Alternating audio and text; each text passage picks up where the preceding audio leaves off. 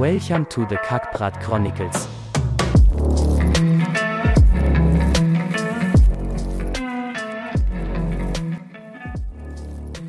Bottomless Coffee Band, uh Estienne Lourens, baie welkom hier by die Kakpraat Chronicles.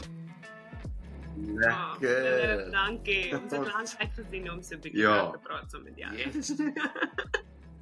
Ja, ek was uh, ek was self lekker lekker opgewonde vir vandag. Ons het nou so tydjie terug um kontak gemaak en ek is baie bly julle het ingestem om dit te doen. Uh ek is ek is uh kinderlik opgewonde vir vandag se episode definitief.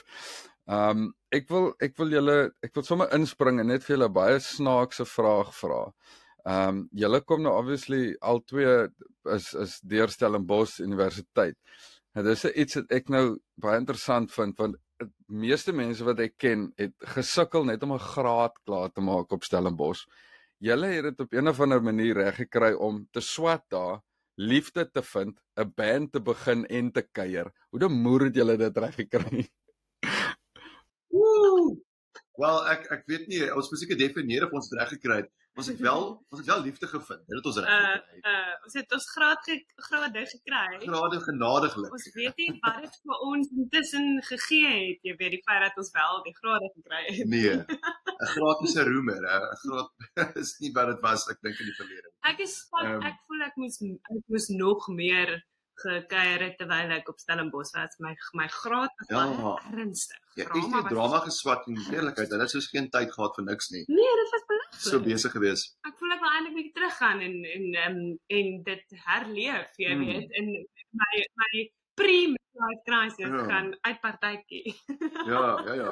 Ek het maar ek het hier ek het ewiglik my my vrye tyd benut, hè. Dit is genadiglik was dit regtig lekker geweest. Ek het eers regtig geswat en ehm um, regte was soort van baie rustig geweest eintlik. Dit was baie swat werk, maar as jy baie kon lees en jy kon soort van 'n bietjie onthou, dan was jy soort van okay geweest. Um, en toe dan raad ek uh, ekonomie studeer en dit was meer verstaan werk, so ek het redelik tyd gehad om te kon kuier op die in die koshuis, so ek het dit nogals benut. nice. Maar maar nee, om jou vraag te beantwoord, ek dink die band het van het van self gekom. As mens mos maar as jy 'n hobby het of uh, iets waarvoor jy lief is, dan gaan jy mos in elk geval 'n manier vind om dit te doen. Mm. Ehm um, jy sal tyd maak daarvoor. En ek ons het dink onsself 'n bietjie geset op vir hoe ons lewe gaan wees. Ja. Dit is ook net onvoorspelbaar, doen wat jy kan wanneer jy kan en hopelik kom dit reg uit aan die ander kant. Ja. ja, so om jou vraag, ek weet nie. Ek dink dit nie of ons by alles uitgekom het nie. Soms dan dink mens terug en sê, "Jesus jou, da- daai ja, daai tyd van jou lewe wanneer jy 19 tot 22 of daai daai daar's jou goue jare voel dit vir my van jy weet jy's net klaar met skool daar's so baie wat gebeur en ek dink die mense sal ooit voel jy het genoeg gedoen daarmee nie ek sê dit nou as Mm. ons nou 'n bietjie ouer ek is soos Jesus ek moes meer gedoen het Ja, ek ek dink as ek terugkyk op my universiteitsdae, ehm um, is dit dit- ek dink 'n mens 'n mens sien dit so half in twee punte. Ek wat nou obviously julle het nou die passie rigting gevat. Ek het ek doen wat ek geswat het. Ek sit altyd so half in 'n stryery met met tussen twee punte van shit, ek moes eintlik meer gekuier het, maar met baie van die goed dink ek ook ek moes 'n bietjie geluister het in die klas. Uh want ek dink die kuier, die kuier was maar partykeer dalk 'n bietjie 'n bietjie te veel. Um so obviously julle julle band het nou begin in Stellenbosch, dis waar julle twee ontmoet het. Um sê gou vir my hoe hoe dit gebeur? Waar het julle twee aan mekaar gekom en en hoe dit toe nou gebeur dat julle toe nou die band begin het?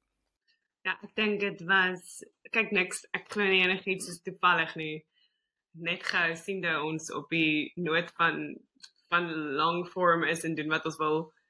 Gister moes ek ry na 'n plek. Dit is eerstens in 'n area, kyk, ek is baie lief vir Suid-Afrika, maar daar's baie areas nie wat volgens mense gevaarlik is en al sulke goed nie, net wat ek regtig nie nou ek geniet nie om so intoe te ry nie. Jy weet daar's 'n sekere atmosfeer.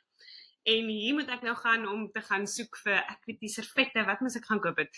Eh, Maar maar dit is omdat ons ons hou ons hou 'n uh, wine lovers konsert in ons sitkamer.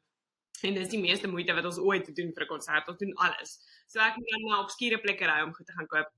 En uh, terwyl ek sit ry, is ek ook net soos luister, daar daar is niks, niks is ooit toevallig nie.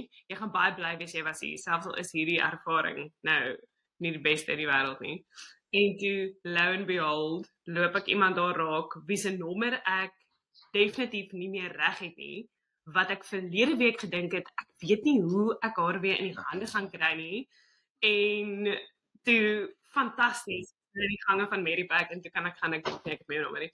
Maar dit is vir my dieselfde storie as die band eintlik want tot na alles wat al met ons gebeur het, ek glo net glad nie meer in toeval nie. Hmm. Ek glo as jy as jy oop genoeg doen wat jy moet doen of dit nou is dat jy die tradisionele rigting gevolg het want jy voel regtig dit is wat jy moet doen en of dit is dat jy met sekerheid kan stap in die alternatiewe dan gaan die dinge jy jy trek jy goed aan jou toe aan want ons het mekaar ontmoet in die universiteitskoor van alle plekke. As jy ons nou goed ken is dit onwaarskynlik dan so? Ehm, van daai tyd miskien sou jy my meer opsom as 'n as 'n koormeisie maar ook nie ook nie heeltemal nie. En Lourens glad nie. Ek meen hy het uit metal bands uitgekom op universiteit. So koor is soos wat? Jy jy doen wat? So so toe die koor sou China toe gegaan het of het China toe gegaan daai jaar vir die World Choir Games ek weet nie of Ja. jy eers weet daar bestaan 'n wêreldspele Nee, vir kore Olimpiese spele vir kore, ja. die die Olimpiese spele vir sing Sting sting spele. Ehm um, maar ja, ek het 'n paar vriende in die koshuis was soos, "Yes, guys. Ja, let's go to China." So ons het dit gevat as 'n geleentheid om te gaan travel ehm um, en toe obviously moes ons nou deur die proses gaan om audisies te doen. So jy moet nou vir 'n audisie gaan. Um, en die Stellenbosch Universiteit koor is is mos hierdie bekende koor. Ek dink daai tyd was dit die tweede be- beste amateurkoor in die wêreld gewees volgens die internasionale ranglys. So dis soos 'n dis 'n dis dit jy moet jy, jy moet jou shit ken. Jy moet jy kan net net jy moet jy moet kan sing. So ons berei ons self voor ons vat 'n rooibos teetjie, heuningkie voor die tyd. Ons gaan vir ons audisies. Ek dink ons is so 20 ouens wat gaan, almal wil gaan. En uh uiteindelik het so 'n team van ons actually ingekom. Ehm um, en wat dan gebeur is hulle gee vir jou so 'n moeë swart leer en hulle sê hier is jou musiek, jy moet dit nou leer. So nie een van ons kan note lees nie. So ek weet ook glad nie om note te lees nie. Ehm um, maar hulle gee dan vir jou so 'n CD, daai tyd was dit nog 'n CD met note wat hulle ingespeel het op 'n klavier op 'n program en dit Sibelius. En dan het jy nou hierdie hierdie woorde wat jy nou moet saam sing met die note. So ek in Desember vakansie het jy nou hierdie goed jy moet dit memoriseer. Ons almal vergeet om dit te memoriseer. Ons kom Januarie kom ons weer by die by die ehm um, universiteit aan en hulle sê o oh shit, julle het julle het julle musiek geleer. Ek meen want jy moet nou vir 'n tweede ehm um, rehearsal gaan en dan moet jy nou actually geprepareer word. Hulle sê dit goed, jou stem is okay, jy kan in die jy kan koor sing en dan moet jy eers al jou note leer en as jy jou note dan is 'n siftingproses. So as jy dit nou kon terugsing en jy het jou werk gedoen, dan kom jy in die koor in. So ons is nou by een van hierdie Dit dinge. is die onregverdigheid van die lewe want ek het daai hele Desember actually Ja. gesit en ek het die musiek geleer. Ja, Nou hoe het jy dan nou jy het die regte ding gedoen. jy ingekom by Ja. die tweede ronde? Weer eens, weer eens nee, net Hoe? ja, nee, genadiglik. So uh, ons kom daar en ek en 'n paar van die ouens wat nou ingekom het, weet om te kan audisie.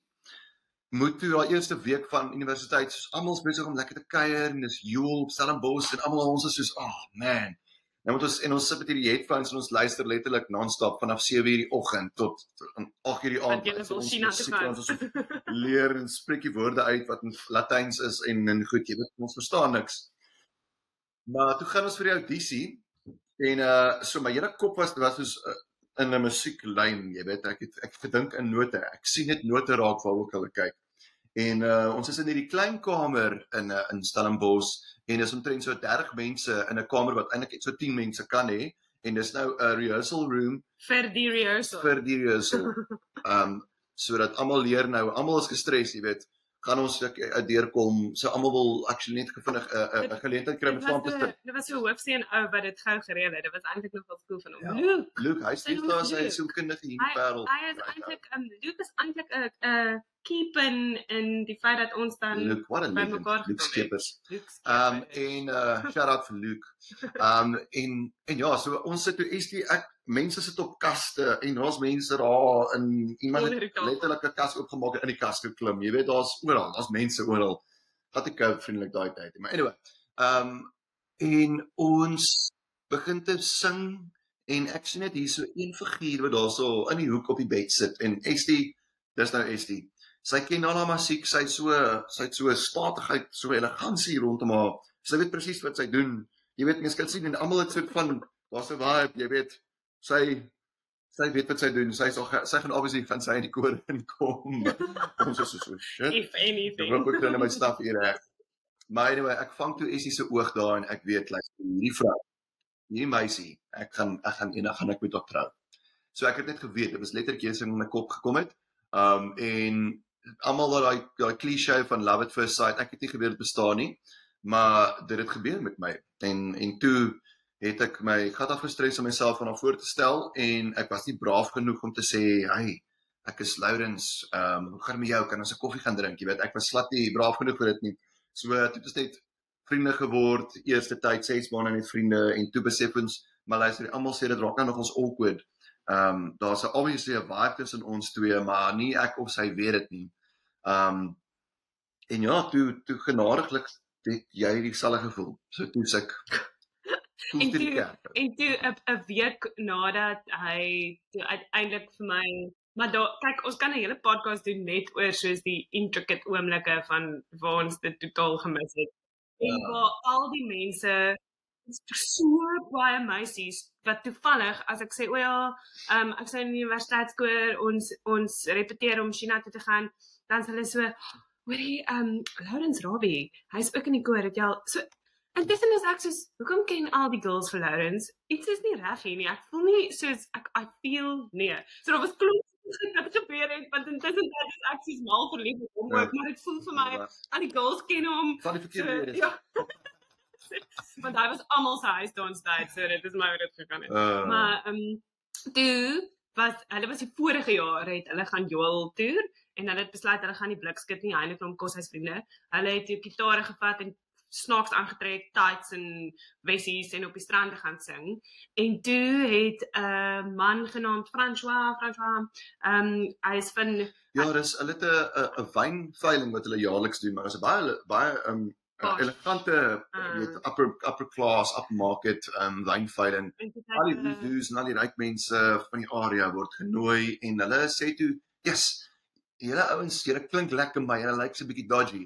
Ehm um, Wat van julle trek vir julle pakke aan dan kom sing julle iets by ons wynveiling aan ons. So dis nou soos dis 10 maande en vir my maand op my nie. Dis 10 maande, 8 maande voordat ja. ons toe nou bymekaar kom wat hierdie oom vra of hulle So ek het my agterkop dat ek weet ek het wel daar's 'n gig wat moet gebeur. Ons is gevra om te gaan speel. En toe soos wat die tyd aangegaan het, het ek vir Estie leer ken in die koor.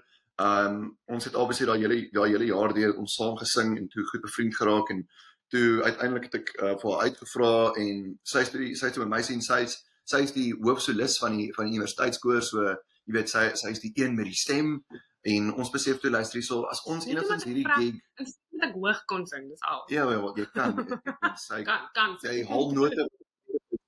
Dis al. Nee is nie.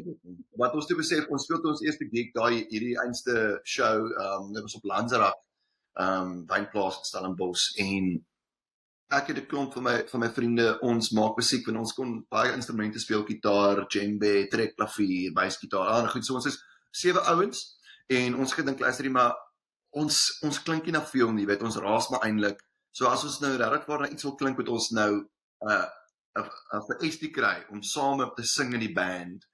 Want as sy gaan as sy saam is dan gaan ons ten minste ons status kan lig. So daai aand dan begin ons te jam en ons speel lekker met buddies en ons sing en ons gooi en ons ons dink ons klink great maar jy weet almal hou net aan chat nie met gee hom nie.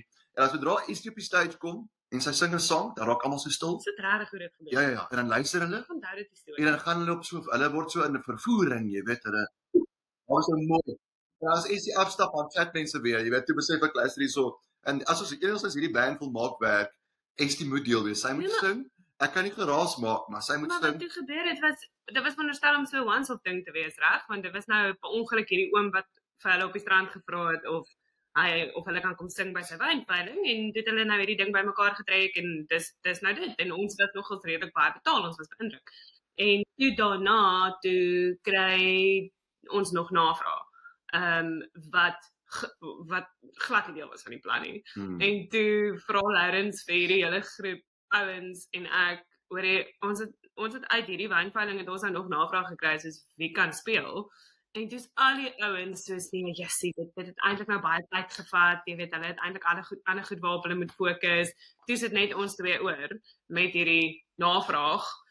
En toe dink ons maar dit gaan nou dit gaan nou odd wees dat ons hierdie massiewe groep van 7 mense was en dit is wat die mense nou verwag en hier kom ons twee aan in die plek van die 7. So toe het ons regtig gekyk hoeveel van die instrumente wat aand gespeel het. Ja. Hoeveel van dit kan ons bysit vir hierdie set wat ons nou moet gaan doen by hierdie volgende navraag en dan speel ons twee dit sommer al die instrumente wat die ander mense gespeel het en dit is letterlik Ja. toe van daar af toe sit nog 'n navraag en nog 'n navraag en nog 'n navraag. Toe besef ons wel Ja, dit miskien het ons momentum. miskien het ons iets en toe begin ons al die songs wat ons as individue geskryf het al in die verlede. Toe begin ons dit bysit by die set. Toe begin mense sê maar hoorie ons wil meer van daai hoor, is dit julle eie werk. So dit was regtig 'n organiese groei Ja. van iets wat mense nooit sou verwag nie. Ons was op die perfekte tyd in Stellenbosch geweest waar dit weer 'n groot inding was om live bands by jou events te hê. So elke naweek was ons gevra om by 'n event te speel en die who's who van die eventindustrie ontmoet en toe later het mense vir ons by die events begin vra, maar waar kan ons nog 'n show kom kyk? En toe gaan ons so, okay, maar kom ons reël dit vir jou. Ons begin ons shows. kry. Ja, Toe- toe begin Toe ons teater ons eie shows reël. en uh, ja, En toe begin ons werk. Toe dink ons okay, nou is dit klaar, reg? Want nou begin jy werk. Nou is dit daai tipiese fantasties, jy tik nou net die boksies van die lewe, die een ding volg op die ander en voor jy weet is jy sad and out. En toe dink ons maar voor ons te sad and out is, kom ons maak net 'n CD van die songs wat ons gesing het, dan kan ons eendag lag saam met ons kleinkinders daaroor. Hmm. En toe sê ons maar as jy 'n CD gemaak het dan met jy toer. Dit dis maar dis hoe dit werk. Ja. So toe vat Lawrence se twee weke af by die werk en ons Unpaid leave. toer Ja, deur Suid-Afrika en Ja. toe is dit 'n hit. En toe ons terugkom, dis ons is okay, wel, ons het nie nou iets geëindig nie, ons het nou iets ons het iets begin. Ons het eintlik nou hierso iets oopgekrap wat ons slapende honde moes ons eintlik laat, laat lê. En dit is 9 jaar terug. Ja, en toe toe sê ons luister hierso, sorry pa. Dankie vir my 6 jaar se studies. Maar I quit. starting a band baby. Starting a band. Hoor en en en hoe kom julle toe nou op die naam van Bottomless Coffee Band? So dis eintlik aan die heel begin was dit um ek het klas geloop een oggend. Ek het geweet wanneer die show wat ons moet speel wat ek nou waarna ons verwys het. Die wynveiling. Die wynveiling show wat in Augustus sou wees. En um gedurende dit het ek heeltyd gedink ek is so maar jy weet ek wil 'n cool naam dan vir nou vir hierdie band kry wat ons dan nou sal wees. Iets wat 'n vibe gaan vasvang. Iets wat as mense dit hoor gaan wees soos oh man ja dit klink cool. Ek ek men, ek weet nie wat om te verwag nie maar dit klink soos 'n vibe. En um ek het altyd gehou van Dave Matthews Band se se kan se hy het so 'n baie vibrant energieke super um multicultural tipe element in sy in sy in sy band jy weet. Hulle is klomp ouens op verskillende agtergronde en waarmee ons gewerk het daai stadium um wie wie dan saam met ons sou optree was ouens wat van super diverse agtergronde afkom vanaf Gary Morris wat djembe Joel jy weet en Gary is van jy's van Bellville af en um en ons het 'n ou gehad van die Noord-Kaap regte plaas Japie jy weet. Hy trek klavier gespeel en um almal het van super weird agtergronde afgekom. Jy weet en ons sê jy met nooit mekaar ontmoet het as sy saam um op Stellenbosch was nie. Um en saam 'n gemeenskaplike soort van musikaliteit gehad het dis wat ons met mekaar gebring het. En toe was ek soos maar luister hierso jy wil ietsie kry wat uh as jy dit hoor dan moet dit iets sê van dit is dis diverse. En daar's 'n tipe energy daaraan en daar's 'n tipe kreatiwiteit daaraan wat nou wat nuut is en ek stap toe verby die letter en wysbegeerte gebou eendag op pad na klas en uh, dit, trek my so hier tussen my oë. Wat is ons die band? Bottomless coffee doen. En uh, ek bounce toe van een van my vriende en ek sê soos Karel Karel was ja Karel 'n klein ons. Al um in Joburg in uh, werking property. Great ou. Maar anyway Karel is soos bottomless coffee? Ja Dis 'n great naam, ou. Bottomless coffee, dit is 'n vibe. Hy sê, "Welkom hier aan." Ek sê, "Nee man, ja, ons is baie, jy weet, baie elemente en dis asof jy in 'n koffiewinkel sou instap en daar's so 'n cool band wat speel en jy kan net so flip and hang en dis great." En ehm um, daai tyd het Estie sy sy het mos nou drama geswat en sy het super baie koffie gedrink. Sy was so Dis die nie eerste die persoon wat baie ek ontmoet het terwyl jy baie Dit was koffie oor die kwaliteit. Ja, anyway, die maar baristas gaan soek. Hulle was nog nie volop in Suid-Afrika nie. Ja, wat nie van 2010. So daar was toe was dit nog nie Truth Coffee, Deluxe en daai plek het nog ek dink dit pas begin miskien. Jy weet daar was nog nie die dikke die kultuur van goeie koffie nie. Dit was bietjie vroeër al in die UK gewees, maar by ons was ons bietjie stadiger gewees. Um en dit was 'n 'n totaal nuwe ding en Estie was die eerste persoon ek ken het wat op daai ding gespring het. Jy weet sy was soos 'n sy het gaan uitsniffel waar is die cool coffee spots. Um sy is die eerste persoon wat vir my gevat het vir 'n flat white, jy weet, en um ek het toe nog nooit gehoor wat 'n flat white is. Dit was nie, jy weet, nou is dit so so ja, albei gee my flat white. Daai Nee, nee, is nee. die flat Nee, die white. mense in die noorde of 'n van cortado of 'n espresso wat ook al. Mense in die noorde van Suid-Afrika sê nog cappuccino. 'n Cappuccino, ja. Hulle drink nog cappuccino. Maar Ook selfs uit 'n pakkie. Effie het uh koffies gestamp een na die ander, jy weet, hulle was so 'n vibrant, daar was 'n energy gewees aan die drama studente, jy weet, hulle het heeltyd gerepeteer. Hulle was laat aan besig om te werk aan shows. So uh, jy weet, die hele kind of 'n i- idee van jy weet sy wat daar is en sy soos laat nag repetisies gaan uit kry 'n koffie gaan terug doen graaf dit uit jy weet daai ek dink ek het in my agterkop geshape die koffie idee en toe die bottomless koffie was soos maar maar goed maar ons is 'n klomp diverse mense and the music will never stop you know music never stops. Dit was dit van die slogan. Mooi. en ja ek sê soos okay cool bottomless coffee. En toe is een van my ander buddies wat ook saam met ons in die band was hy sê dude dis 'n kaknaam ou bottomless coffee en ek sê dude moenie maar nie ou dit is cool naam ons gaan dit vat. En ehm um, die eerste twee jaar was ons bottomless coffee en niemand het geweet wat die hel hierdie is nie. Ehm um, toe dit was die eerste keer dat jy mos 'n Facebook groep begin het, jy weet, om jou jy om soos 'n vir jou soos 'n uh, 'n na- uh, ons bestaan, jy weet, hier's 'n Facebook groep. Jy kan ons aan like, web page, ja. Ja. En almal was soos "Wa- wat is bottomless coffee? Ehm um, ons verstaan nie, is dit nooi ons na Mug and Bean toe. En ehm um, so uh, dit was heavy, niemand het geweet wat die hel dit is nie. Ehm um, later moes ons die woord band bysit want dit was soos so confusing vir mense gewees dat ons het gesê maar luister hierso ons as ons by 'n plek aankom en ons word geboek om sê maar op op te tree by 'n by 'n fees dan as ons daar aankom dan sê ons ja ene ons warm is koffie super excited om te weet en so o ja ja die koffiestelletjie kom daai kant.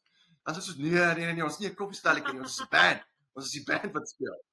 So niemand het verstaan wat bottomless coffee jy weet in die musiekkonteks So ons het 'n band bygesit om so van die ding kind of ja, ons is 'n band, Bottomless Coffee Band.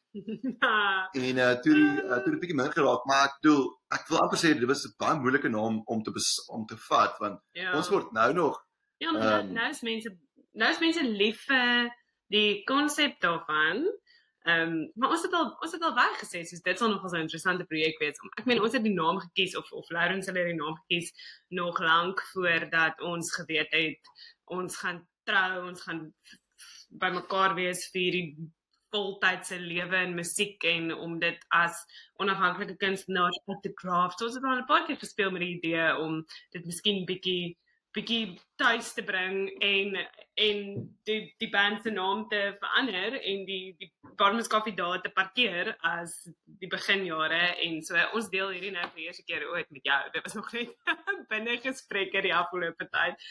Maar ja, om om om die koffie te te aan te laat vloei, maar om miskien te gaan, okay wag, ons gaan 'n nuwe seisoen in. Dit was nou 7 jaar van voltyd speel. 7 is altyd 'n uh, goeie Ja, getal om iets te doen. mm, So so miskien miskien gaan ons um, uitkom met 'n verrassingkie binnekort. pensions. ons kan ons kan vir Philip ehm um, jy weet die die ons kan die pitch aan hom doen. Dan kan Ah. hy sê of hy dink is 'n goeie idee en of ons onnodig daaroor Ja. opkrap, jy weet. Kyk as ek um, ek dink is 'n goeie is 'n goeie manier om om uh jy weet soos as as ek het nou 'n lightie en ons maak nou merkies teen die muur soos wat hy groei.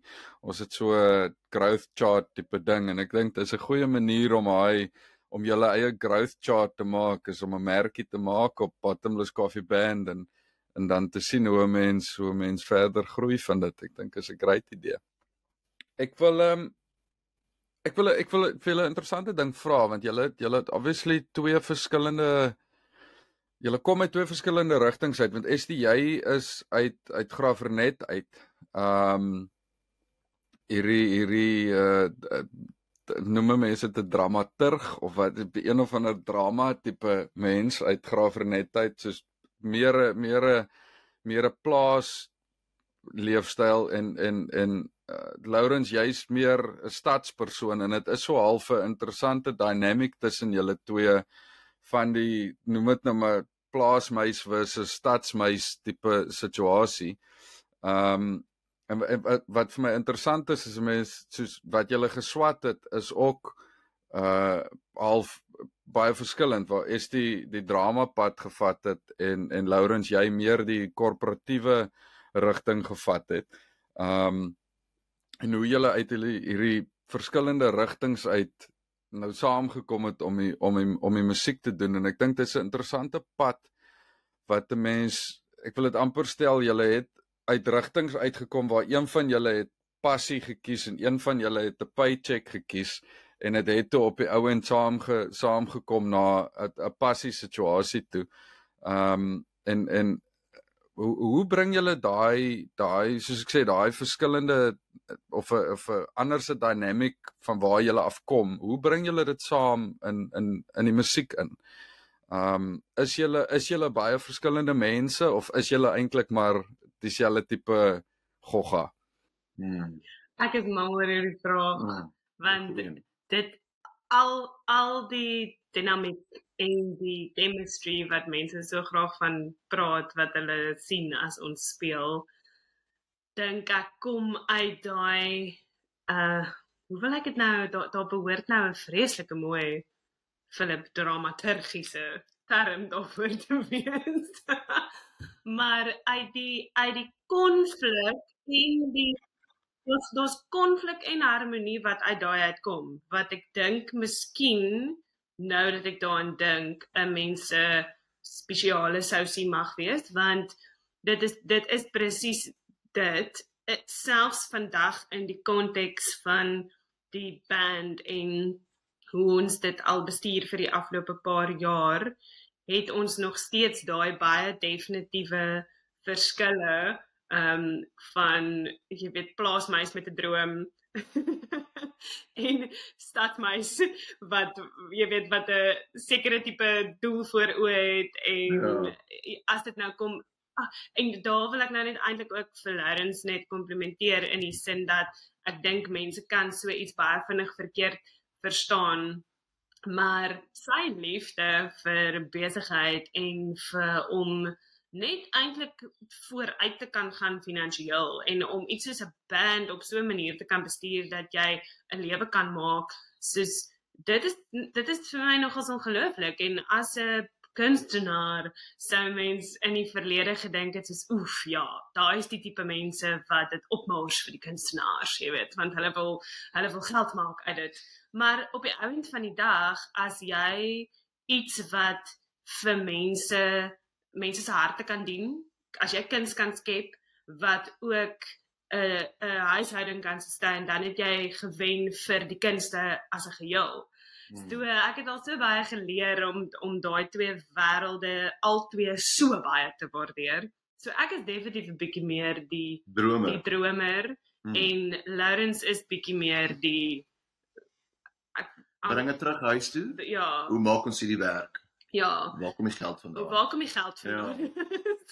Ja. nee, maar Dit is goed. Dit is ja. um, dit die die die daai daai spanning is is goed en dit ek ek het nou eintlik 'n prentjie in my kop gekry van hoe ons het so elkeen bymekaar gekom met een vlerk en Lawrence het bietjie die dorpsmeis vlerk nodig gehad en ek het bietjie die stadsmeis vlerk nodig gehad vir ons albei om om suksesvol te kan doen wat ons doen. Ja. So, I suppose. Ek dink dis een van die uh misteries van um jy weet om om, om saam te wees as uh as partners. Dit is as altyd jy weet jy jy gaan goed in mekaar afvryf en um jy weet as jy iemand gaan vind wat 'n soortgelyke passie as jy het, dan gaan daar 'n chemistry wees en op 'n manier gaan mense daai gemeenskaplike energie hê dat mense dit gaan wil uitleef. Ek dink dis dis seker wat dit is. Um so in my kop was ek van 'n jong ouderdom af al wat ek baie graag in 'n band gewees het en het ek gedroom daarvan om actually musikant te wees vir 'n lewe, maar jy weet ek het groot geword in die noordelike voorstede van van Kaapstad, so Durbanville was soos 'n area waar jy weet jy aspireer nie um noodwendig daar was nie geleenthede gewees vir mense om 'n om 'n musikant te wees en 'n lewe daarvan te maak nie. Jy weet daar was bitter min mense wat in jy het niemand in jou verwysing gehad wat dit gedoen het nie, so jy kon met niemand gepraat het nie. Jy weet daai tyd het, het, het ek opgekyk na mense soos Koos Kombuis en Wayne Swart en Jan Blom en jy weet dit was dit was die alternative Johannes Kerk of alternative Afrikaanse kunstenaars wat wat wat cool was wat dit vir 'n lewe gedoen het, maar ek bedoel hulle was unapproachable. Hoe so praat ek hoe bel ek vir Koos kom by en sê, "Hey Koos, hoe hoe die hel doen jy dit?" Ehm um, jy weet, jou verwysing Ja, dit dit dis die legends. Ja, totally. Jou jou verwysing was jou my pa prokureur was en sy vriende, een is 'n CA, een is 'n argitek, een is 'n is 'n wat ook al, jy weet so, dit is jy jy jy, jy mens word mos maar wat jy aan blootgestel was. So ehm um, ek het toe gedink, maar luister, dis so goed dat en daar's al doen jy jy jy kies die secure option, jy weet, jy gaan swat iets wat vir jou 'n uh, daadwerklike werk kan gee wat jou 'n vorm van sekuriteit het om te sê goed ek gaan nou regte swat ek gaan 'n prokureur word um en ek gaan ek gaan baie geld maak want dis wat prokureurs doen en dan besef jy as jy swat is dit soos ja yes, ek, ek haat al die konflik hierdie is glad nie my baie vriend um ek sou 'n goeie prokureur gewees ja jy jy sal flip ek ek hou regtig van konflik so ek is soos ja ek, ek Ja, en uh dis toe kom ek soos na na regter ek oorgeskakel en verder um uh, finansies geswat en toe het ek actually gewerk het en ek baie van gehou het ek het baie daarvan gehou om in finansies te werk en ek het baie waardevolle goed geleer daar wat ek dink um nou vir my baie beteken.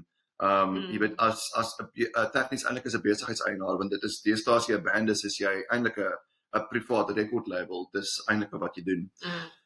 Um maar en dan om dit bymekaar te kom te bring is soos om te om die manier te vind ons dit goed maar ek is super passievol oor die ding. Ek wil graag musiek maak vir 'n lewe. Hoe doen ek dit? Want ek meen mm.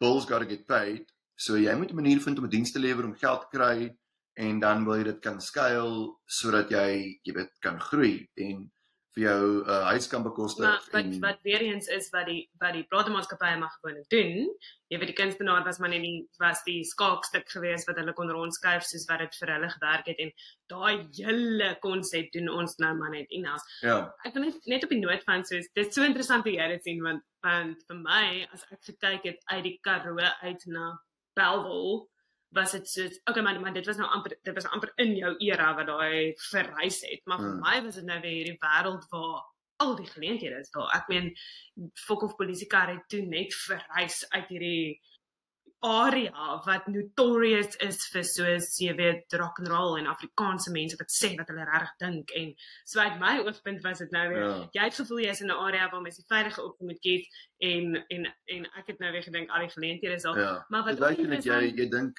Ja. Jy besef nie wat jy het terwyl jy daar is nie. En wat interessant is in die in die mindset verskil wat ons al baie gesê het en dit trek vandag nog deur in die manier hoe ons alles doen is as jy in 'n klein dorpie groot word in die Karoo en jy het 'n sekere tipe ding waaroor jy verskriklik passievol voel en mense in jou omgewing het dit bevestig. So jy jy voel regtig nou jy seker jy gaan iets gaan doen met jou kreatiwiteit as 'n werk. Jy is altyd gereed om te gaan. Altyd. Soos ek is verskriklik lief vir Graaf Reinet, maar ek sou nog nooit 'n kunstenaar aan Graaf Reinet gewees het nie. So jou hele wese is geset op te gaan. Jy moet dit gaan maak. Jy moet dit gaan maak. Jy kan nie jy kan nie daar bly nie. Jy kan nie daar bly hmm. en dit maak nie. En dis die groot verskil wat ek agtergekom het is en die die ja. die mense wat in Durban wil groot geword het is is alright om te bly. Jy weet jy jy gaan doen ietsie veilig met, met baie sekuriteit tot gevolg en jy bly. Jy jy koop maar uiteindelik jou huis in Durban wil en jy nie almal nie, maar jy weet dit dis 'n hmm. baie interessante mindset botsing eintlik. Maar as jy dit kan laat saamwerk, is is dit goud. Is dit nogal ja. Ehm um, want daai idee om konstant te gaan is nie altyd goed vir mense nie. Jy weet daar's iets groter daar om die volgende heuwel en dan die idee om baie keer te gaan en en en maar wag, ons lewe nog steeds in die regte wêreld waar ons ehm um, moet leef. So dit is dis 'n ja. ek ek het baie waardering vandag vir ehm um, vir die vir die kontras. O, en kan ek net ook sê, ek het hierdie ook nog nooit hardop gesê nie en jy moet maar asseblief my sê as jy nie saam met my stem nie. Ja. Maar ons het nogal 'n 'n 'n interessante ehm um, aflos gehad want ek het die band se bestuur gedoen direk na universiteit. Die klomp nou al vra wat nou aanhou inkom het, jy weet wat ons nou maar moes gaan diens. Ja, ja, van So- so, record label werk ook. Presies, so ek Ja. het ek het gesit met die eposse en die invoices en die eerste album se ja, sê Registrasies. ek moes uitfigure dan Mm. vra die plate maak ag die die mense wat die CD moet druk vra vir my wat is julle ISRC code en ek gaan skus tog dan dan maak ek of ek weet en dan Google ek en dan gaan bel ek vir iemand anders en dan kom ek by die regte plek uit en dan besef ek mens moet registreer vir iets. So dit was 'n so, so die aanvanklike intensiewe besigheidskant het ek in ons miniatuur woonstel gesit en doen terwyl ons by Seed Investments gewerk het. Hmm. En die kreatiewe kant was amper toe meer hy want hy het homself uitgeleef in die musiek in kontras met die corporate werk en toe dit stelselmatig kon dit later toe nou weer draai. Ek wil graag glo ek is die alleen rede hoekom ons toe uiteindelik die band voltyds begin doen het want ek het gegaan Ja, wel ek dink ek dink ook so. Ja. ek het gesê ons ek kan nie nou meer nie ons ons moet hierdie ding nou 'n kans gee want ek wil net sien Hmm. wat gaan gebeur. Uh, Ja. maar natuurlik is op Jy moet jou werk los. Ek wil sien wat hier gaan gebeur. Oh my word. So dit is nogal dit ding weer draai was met toe Lawrence wel voltyds oorkom obviously is die besigheidskant vir hom ook 'n groot passie en jy weet ek dra weer meer by tot die kreatiewe kant. So ons ons gee verskriklik baie oor en weer aan mekaar die aflosstokkie van ehm um, skep versus besigheid en dis vir my baie lekker. Hmm. Ek kry ek kry so half 'n idee julle het ehm um, ek dink ek kry so half 'n idee dat julle aanvanklik laat Estie laat jy half die vlerke was en en Lourens laat jy die wortels was en ek kry so half 'n idee dat dit half heeltyd verander. Ehm um, laat laat julle laat julle heeltyd soos jy sê daai omswaai vat en en dis dis dis regtig julle het vir my 'n baie interessante dynamic en ek ek wil ek dink die volgende ding wat ek wil vra is is in julle skryfproses um met met die musiek en goed hoe hoe hanteer julle dit in terme van uh skryf julle albei of het julle 'n uh, 'n uh, is daar 'n ding van okay dit jy skryf of Lourens jy skryf en iemand anders doen die musiek agter hoe hoe hoe hoe hanteer julle nuwe songs um wat uitkom uit Bottomless Coffee Band uit Ehm um, Philip die kort van die lank is dat dit verskil elke keer. So dis eintlik 'n baie onvoorspelbare proses. Ons skryf apart. So ek dink ons eerste album met ons grootendeels songs gehad wat apart geskryf was En ons skryf ook weer. en dan skryf ons ook saam. Ehm um, so dit vir ons is dit lekker want dit gee vir ons 'n uh, diversiteit in lirieke as ook in diversiteit in in musiekgenre. Uiteraard sal SD 'n ander SD het ander musiek smake, jy weet wat vir haar wat sy van nou so sy gaan 'n bietjie meer van dit skryf en ek het weer 'n bietjie van 'n ander musiek smaak wat ek weer van hou so ek gaan meer soos dit skryf. Um en dan man dat deesdae skryf ons baie meer saam. SD is SD, ek voel persoonlik SD is sterker as ek in lirieke. Um so sy skryf ek dink grootendeels baie van die lirieke. Um en dan ek help net om dit te, te shape. Jy weet ek uh, gee net ekstra idees en konsepte en goed en dan en ek sal nou weer verfyn ons dit. met die met die basiese melodie soos die die die full song en Lawrence is ongelooflik om dan die die produksie elemente so ek bring die geraamte en hy sit die vleis aan Ja, ek weet ek dink ek ek En weet partykeer hoe ons- andersom. so ons wil hê dit klink uiteindelik daai was wasmasjien yes. Sy skoon. as Skoon jy as jy dingetjies hoor Um, so ja, ek ek dink ek weet wat die grand vision is en en wat ons die song wil vat en hoe dit klink. En ook ek dink ehm um, ek luister baie strategies na na musiek. So dit gaan my baie oor emosie en ehm um, hoe laat die song 'n mens voel. So vir my is dit ons wil baie diversiteit hê en verskillende tipes elemente in sang. Jy weet jy wil 'n sang wat jou al die uh wroging laat voel, jy wil 'n sang wat jou laat op laat partytjie hou. Jy wil 'n sang hê wat vir jou net soos 'n easy listening is aand as jy vuur aansteek. So soms dan voel jy jy's ek maar ons kort nou weer so iets. Ek voel kom ons skryf iets in hierdie ligting. Um en dan soms dan staan jy oggend op en jy het net iets in jou kop, jy het 'n liriek in jou kop en jy skryf dit neer en ek vaar net iets en ek sê ja, is die binneetjie hiervan. Dit is soos ja, hierdie werk. So ek sit agter die klavier, sy kry 4 of 5 chords mekaar en ek gryp my gitaar en ons werk dit uit. En is dis dis nogals verskillend. Ons gaan nou nog gesels oor die oor die projekte en die goeders ook want baie van dit is commissions waar letterlik jy boude opstoel en skryf en dan baie van die ander goed kom uit verskillende partykeer soos dat hy nou sê dat mens 'n oggend wakker word met 'n lyn, die een bring dit na die ander toe en dit kry vlerke of jy besluit jy wil dit in 'n tipe gevoel skryf.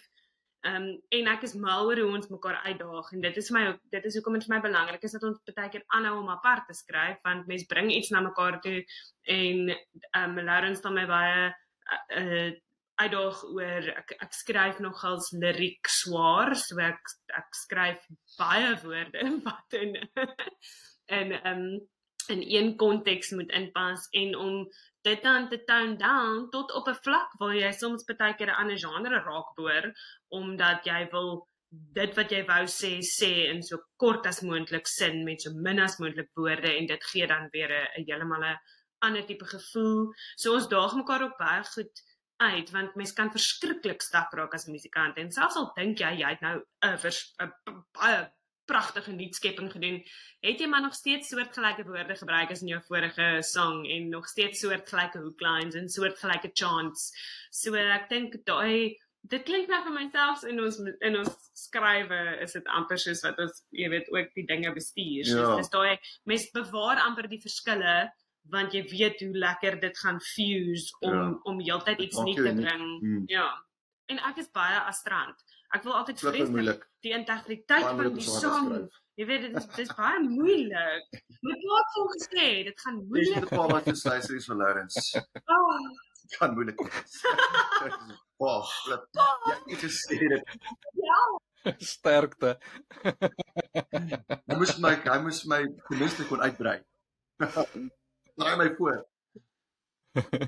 ek eh, maar ek dink dit is wat ek dink dit is wat ehm um, wat musiek as kunstige medium so lekker maak. As esties soos jy nou gesê het, ek meen jy jy het hierdie aanvanklike plan en dan verander jy dalk net, jy verander net 'n bietjie van 'n paar woorde of jy verander 'n klavierstuk in 'n gitaarstuk in en dan sien jy 'n hele ander genre en dis 'n hele ander stuk musiek en dis wat ek wat ek geniet van baie van julle songs um op op op ek ek kry nou maar al julle goed op Spotify maar wat ek geniet is julle het 'n song soos um wat is dit uh is Chinuena uh sewe is dit sewe somers dink ek wat julle in in 'n hele paar ek wil amper sê genres gespeel het en ek geniet dit so baie want uh dis amper drie verskillende songs um en en ek ek dink dit is wat dit is wat musiek as kunstskepping of whatever jy dit wil noem so interessant maak as jy kan soveel doen daarmee jy kan jy kan uit dieselfde blikkie verf uit soveel goed verf en dit is dis ek dink dit is wat wat julle werk werk seker so lekker maak. Ehm um, mens kan dit seker regtig werk noem want ek meen jy ons almal kan sien julle geniet dit. Maar dit dit ja, dis dis uh dis flipping cool. Ja, thanks. Um.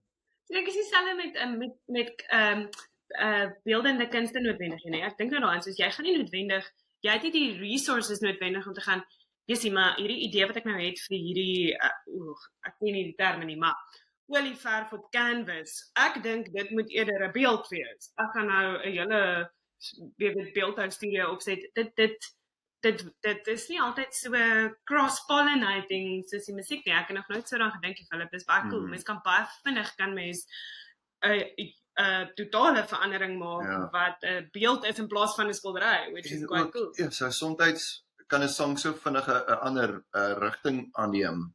Soos jy weet jy jy jy, jy ek dink sien maar ek dink aan 'n sang wat ons geskryf ons eerste weergawe van alles en niks was die eerste sang wat ons uitgegee het um, van Prediker hoofstuk uh, 1 En aanvanklik was ons idee om soos ja, hier moet net 'n lekker dis swaar lirieke so ons vir die produksie van die sang ons lig maak en en lekker soos 'n party rock and roll.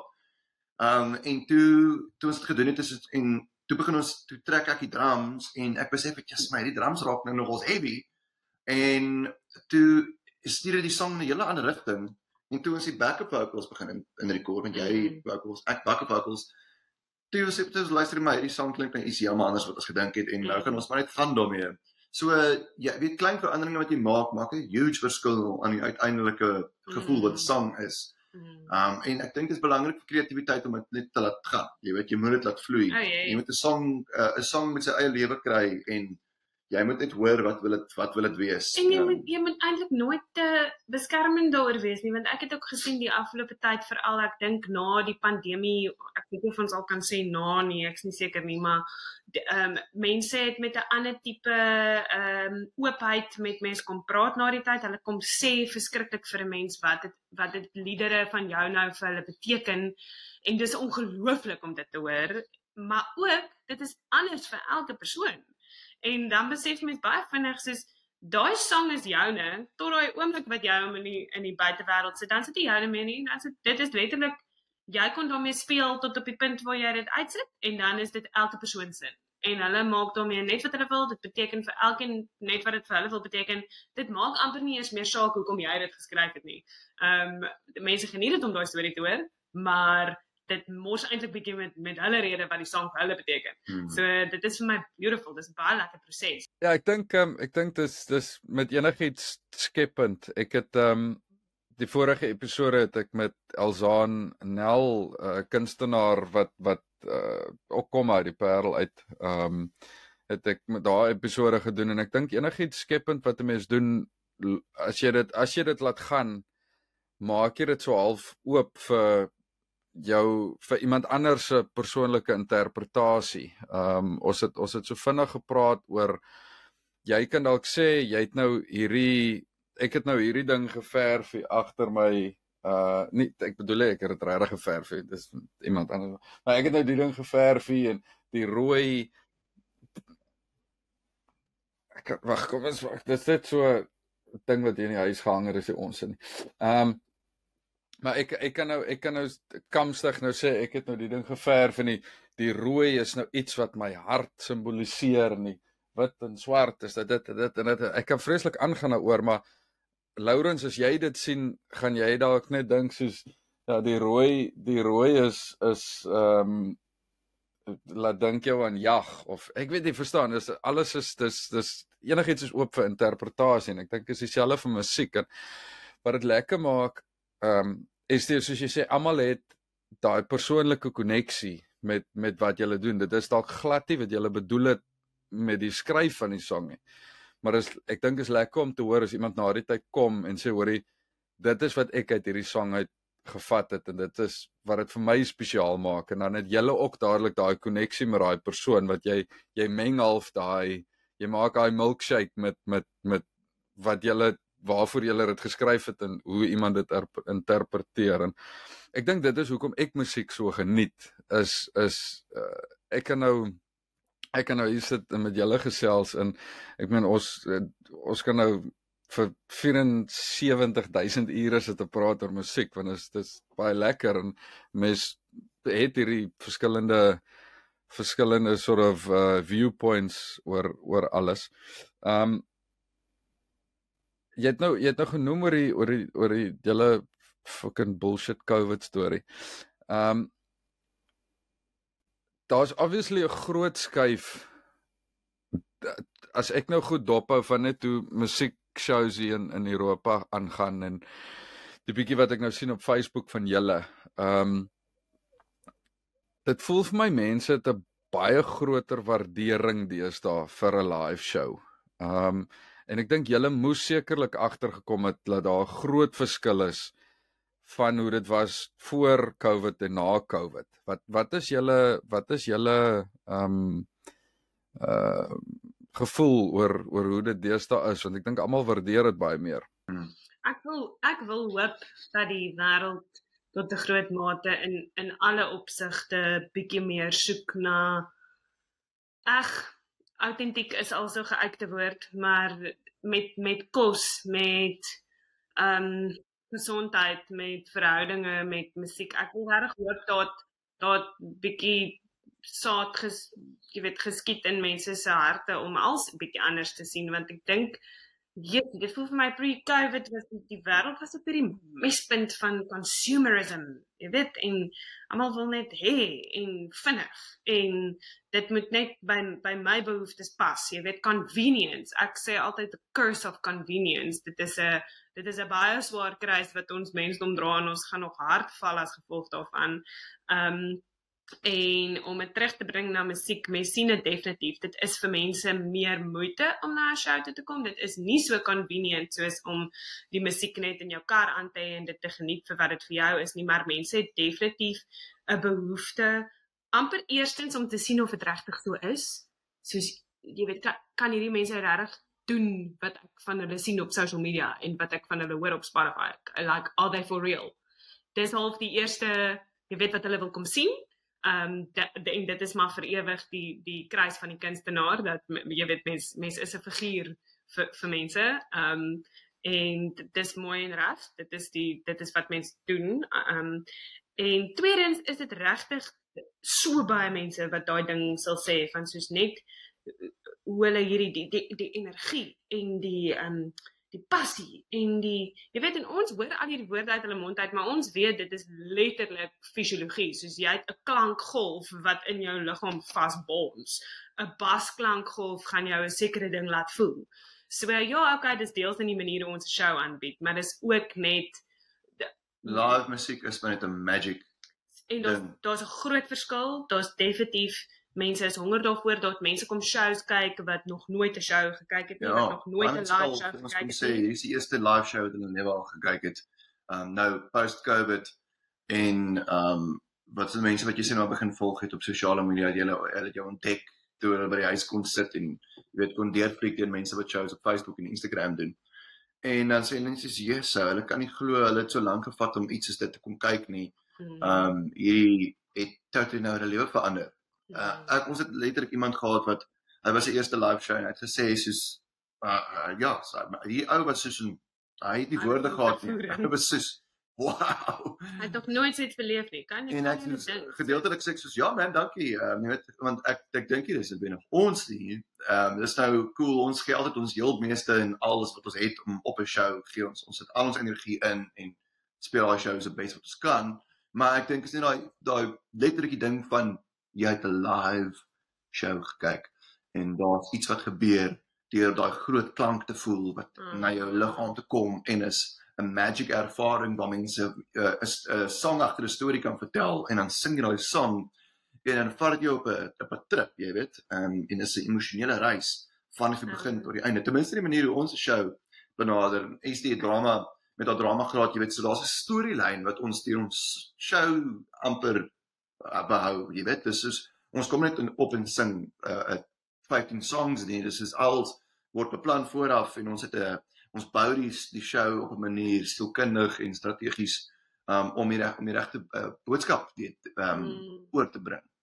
Maar nou na COVID meer as ooit wens ek dit dit kon toeganklik wees vir almal. Mense is bereid om meer te betaal vir konsertkaartjies definitief. Dis ironies want mense dink hulle wil wil juist als bietjie gekupper hê want ons die kunstenaars is tog al te bly dat ons net weer kan speel.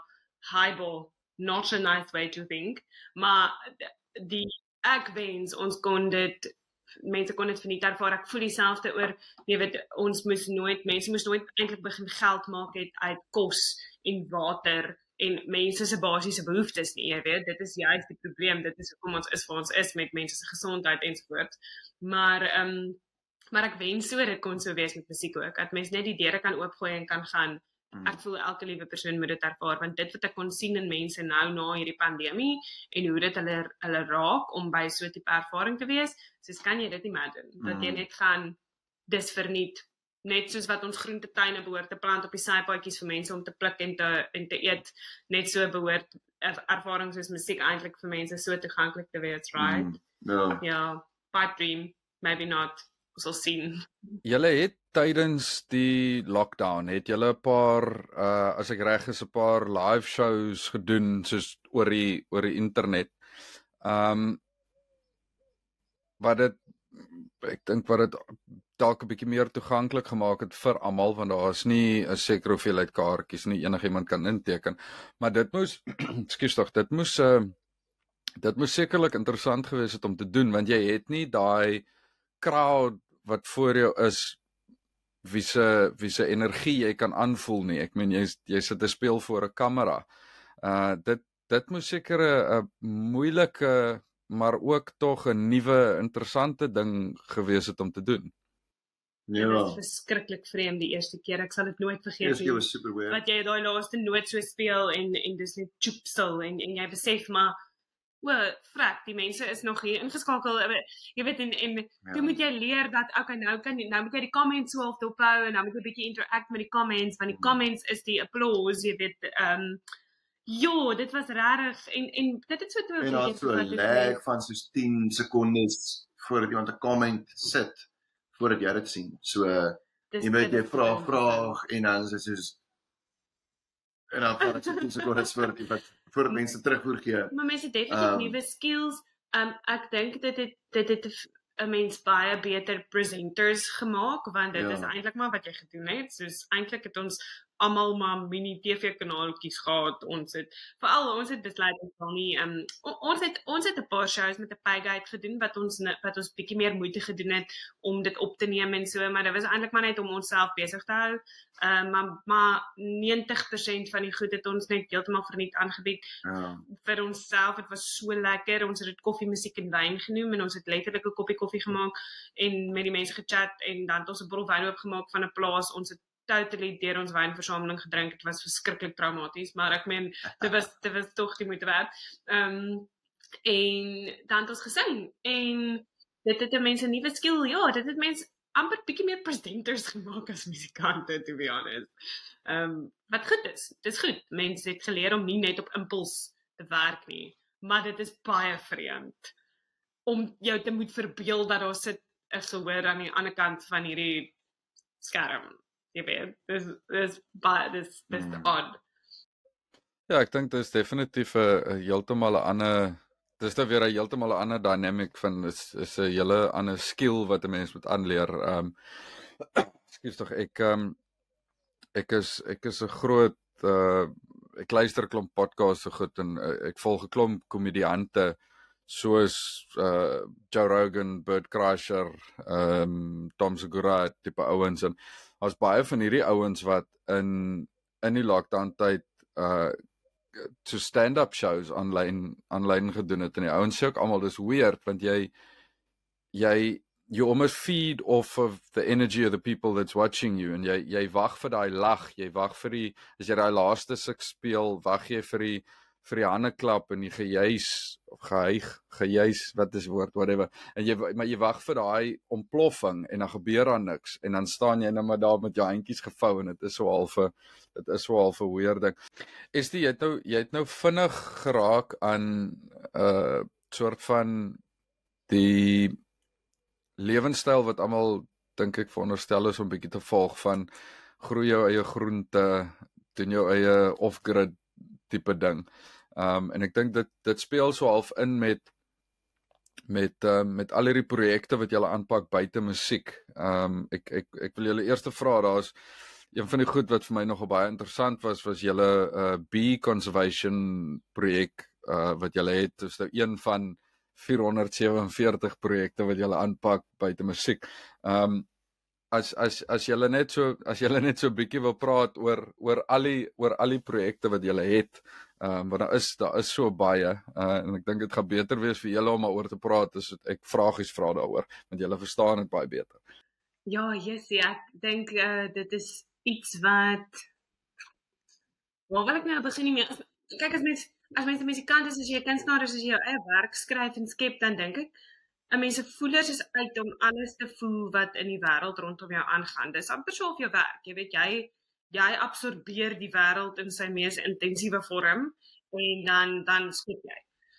En dit was nog altyd vir my belangrik dat 'n mens jou plek ken, as ek dit so kan stel. Daar's mos maar baie as as hierdie sosiale media bomme so ontplof met die musikante of die kunstenaars wat iets te sê het, dan sal mens baie sien die die die keyboard warrior sal sê hou jou by jou kraag, jy weet. Sing jou liedjies en hou op opinies hê oor die res van die goed. Mense is lief om daai te doen, maar ehm um, ek glo tog dat as jy 'n 'n platform het en jy is met so baie mense in gesprek en jy is so bewus van al die goed wat rondom jou aangaan net bloot deur die feit dat jy met soveel mense praat want jy jy reis so baie deur jou land waar jy optree dan moet jy tog jou stem kan hê oor 'n oor 'n paar onderwerpe wat jou na in die hart lê en dit het toe vir ons eintlik baie toevallig gebeur uh wat dit was nog altyd vir my behoefte maar ek was nog altyd versigtig om om jy weet daai arrogansie te hê van soos o, oh, ek kan my platform gebruik want dit, dit is nog steeds altyd 'n voorreg. Ehm um, maar toe jy het nou eh, genoem van die Ooskaap en ehm um, Adrian Gardner, weet nie of jy baie ooit met hom gekry het toe jy naby aan Ada gewerk het nie, maar hy het ehm um, destyds het hy die uh plase begin opkoop in die Ooskaap om die hy, hy het die hierdie prentjie gehad van dat die Ooskaap was net soveel ehm um, 'n representation van die Afrika, jy weet, met die met die diere en die diversiteit in ehm um, uh ja, ekologies het die Ooskaap. So baie diere gehad dat dit uh, vergelykend met met die Kreer Wildtuin. met die Kreer. Ja. en toe het die die boere het mos maar ingekom en hulle hulle uh plase daar. Ja. ja, en hulle het al die wilde diere uitgeskiet en hy het hierdie prentjie gehad van dat dit weer herstel kan word. So hy het ehm uh, Shamwari begin en dis toe nou later jare oorgekoop en hy het nog steeds Founders Lodge wat so op die rand van Shamwari lê wat dan nou letterlik dis dis waar dit alles begin het. En hy het toe na ons toe gekom by 'n konsert dis mos ek mos nou die hele ding begin deur te sê daar is nie so iets soos toeval nie want dit ons ook so half toevallig nog wel by hierdie show kon wees en jy weet so vinnige ding ehm um, wat ons met al ons liefde gedoen het maar jy weet jy dink jy dink nou nie jy gaan die persoon ontmoet wat nou so half die volgende pad in jou lewe gaan gaan oopkerf nie. En hier kom Adrian Gardner na ons toe en hy sê hy wil asseblief met ons 'n vergadering hê en hy vertel ons toe van die Community Conservation Fund for Africa wat hulle begin het um onder die Mantis Collection wat hulle hotelgroep is en Mantis staan vir um, Man and Nature Together is Sustainable. Ja, Man and Nature Together is Sustainable. Vertel vir ons van hierdie sê vir ons wat kan julle as musikante doen? Wat kan julle doen? Kom, kom, julle het 'n platform. Julle moet ons kan help met hierdie. Hy's hy's so. Soos jy weet en as jy eers betrokke is, is jy in. Jy En jy's dit raak ons toe regtig want net om te, te hoor waarmee hulle alles besig is en en jy weet ook mense hoor die woord conservation en jy dink maak nie saak wie jy is nie jy dink dit gebeur daar ver. Jy weet dit is die die anti-poaching units en dit is die maar wat hulle eintlik maar vir ons wou leer is soos conservation is in elkeen van ons hande. Elke liewe besluit wat jy neem gaan of bydra tot die beskerming of die vernietiging van die hulpbronne wat ons het So dit was vir ons amazing. Ehm um, ja. en toe, dit was ons eerste projek wat ons wat ons toe gegaan het. Okay, ons voel ons het die kapasiteit om betrokke te wees by iets deur middel van musiek, maar dan ook iets waarvoor jy staan. So toe skryf ons die liedjie Wilderness. Ehm um, wat ons toevallig uitgegee het op die dag wat die eerste lockdown in Suid-Afrika begin het, die 27ste Maart 2020. Ons het nie geweet dit gaan so align nie. So dit was ook ons eerste online konsert. Was die launch van van hierdie konsep wat ons nou met die Community Conservation Africa werk. En ehm um, wat ons gedoen het is elke ehm um, elke keer wat die die sang gekyk word, die die musiekvideo gekyk word of gestream word, gaan daar geld na die CCF uit vir hulle projekte. En uit dit uit het die baie projek gekom. Ja wat ons toe en toe verder is hierdie Bybelpreek verder vlerk gekry toe ja. ons Honey Bee Heroes ja. aangeneem het en en Honey Bee Heroes het ehm um, 100 korbe nê toe die Honey Bee Heroes um, het vir ons gekontak en gegaan hulle sien ons werk in conservation en toe voel ons eers maar jy weet om nou om nou nog 'n been te begin Ehm um, ons impak is is nog te klein. So kom ons connect die Honeybee Heroes wat ons gekontak het in die CCFA. So toe sit die community conservation en en Honeybee Heroes ja, 'n 100 ja. korwe. Ehm um, Maar maar dan cool is dit dan kry hulle corporates om dit te sponsor of jy as 'n individu wat byvoorbeeld passievol voel daaroor ehm um, dan kan jy 'n korf koop en dan kry jy ook nou jou heuning vir jaar. Ehm um, of 'n corporate kan dan sê net maar kom ons sê 10 botteltjies heuning kry um, wat hulle kan weggee as geskenke en goed. So dit is 'n amazing manier om mense betrokke te maak. Jy weet dis 'n klein is 'n klein ding van jou kant af om 'n uh, allocasie te gee finansiëel vir iemand wat bereid is om die werk te doen wat niemand wil doen nie. Jy weet want dis eintlik maar wat dit is. Dis conservation is baie 'n groot deel van haar vandaan is natuurlik ja, die besluite is op 'n mikroskaal, almal moet deel wees daarvan en moet besluite maak wat goed is vir die planeet, maar daar's groot werk wat moet gebeur en dis die werk wat niemand wil doen nie. Mm. En die mense wat dit doen, kort funding. En dis wat ons besef het is waar ons uh wil inkom is om stories te kan vertel mm. en dan die koneksies te maak. Um En uh ja, dit is amazing. Ons het nou al redelik uh, ekstensief gewerk in die in die Noster stropery. Ons het al redelik baie um, uh weet uit daar ingesit en en in van daai goed al gesien en en gehelp om jy weet die horning prosesse te doen en so aan. Mm. So uh, dis is baie humbling as mens begin werk daaraan want jy besef jy's uh, dis uh, die die rede vir die ondergang van hierdie is as eintlik maar as gevolg van die mens en uh, die geldgierigheid van die mens. Dis ehm um, en dan ook ehm um, jy weet as ons dink aan hierdie Oster deel, dan is dit ook oh, dis die veldgierigheid van die mense vir aan die mense wat uit uiteraard op die einde van die dag daai daad doen is omdat hulle net totaal desperaat is. Jy weet, hulle is nie die mense wat dis geld maak nie. Ja. So dis hierdie siek ehm um, dis kringloop eintlik wat wat uh, nogals debilitating is. En dis as jy hoe meer mense oor dit leer, meer ja. besef jy hoe die binnewerk daarvan is, dan besef jy oef, hier's 'n uh, dis maar 'n groot ehm um, onderwêreld wat hier aangaan. Ja.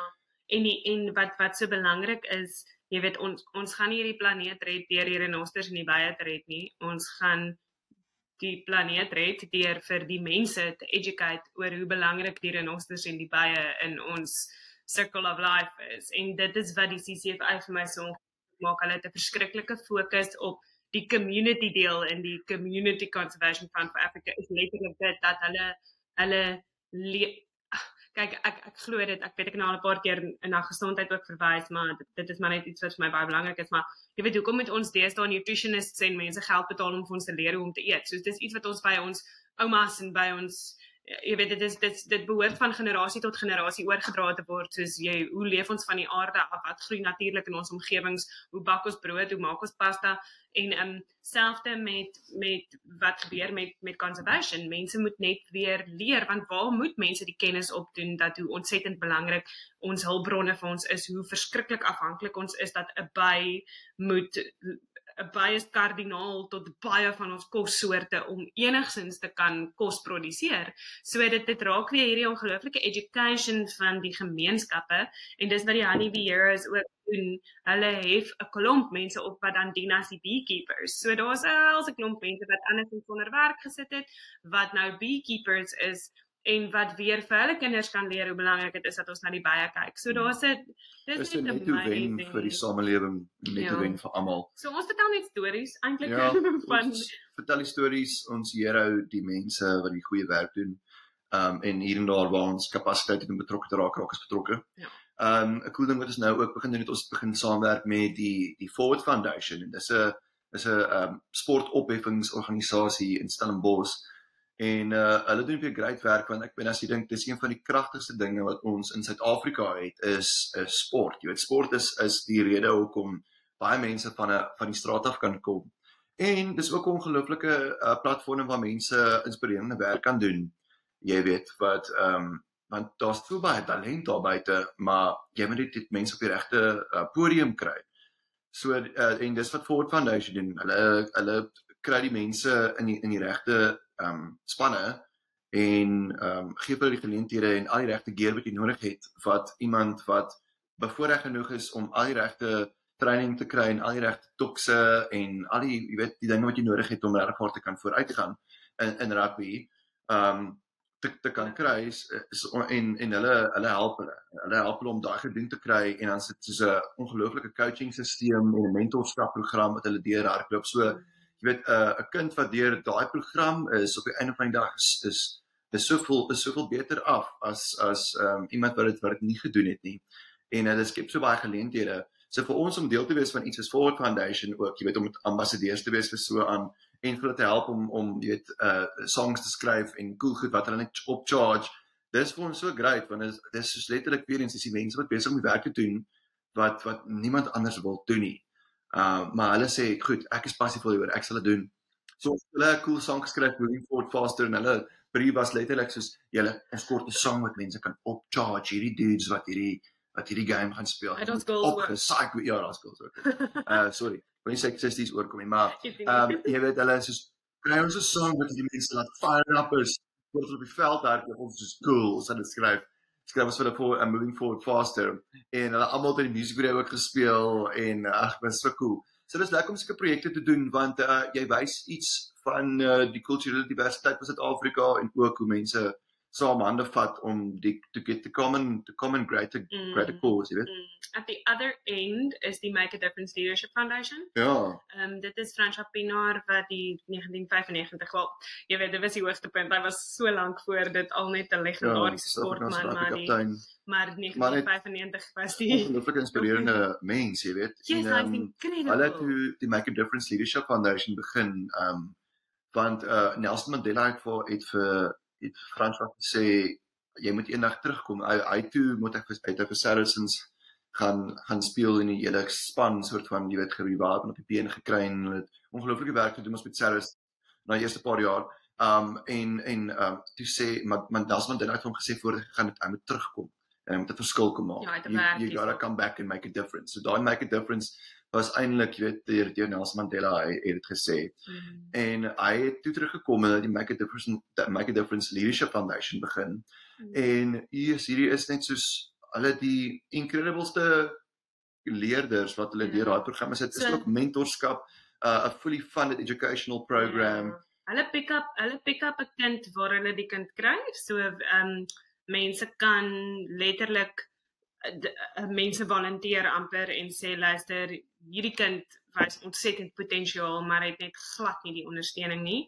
En of daai kind nou in graad 1 opgetel word of in graad 10 vat hulle die kind dwarsteer totdat die kind 'n graad kry op universiteit en deur die hele proses het die kind mentors en ehm um, dis dis ongelooflik en hoekom ek nou gesê het aan die ander kant van die spektrum is hulle werk nou weer verskriklik high end vir hulle fondsinsamelings en interessant genoeg met kuns.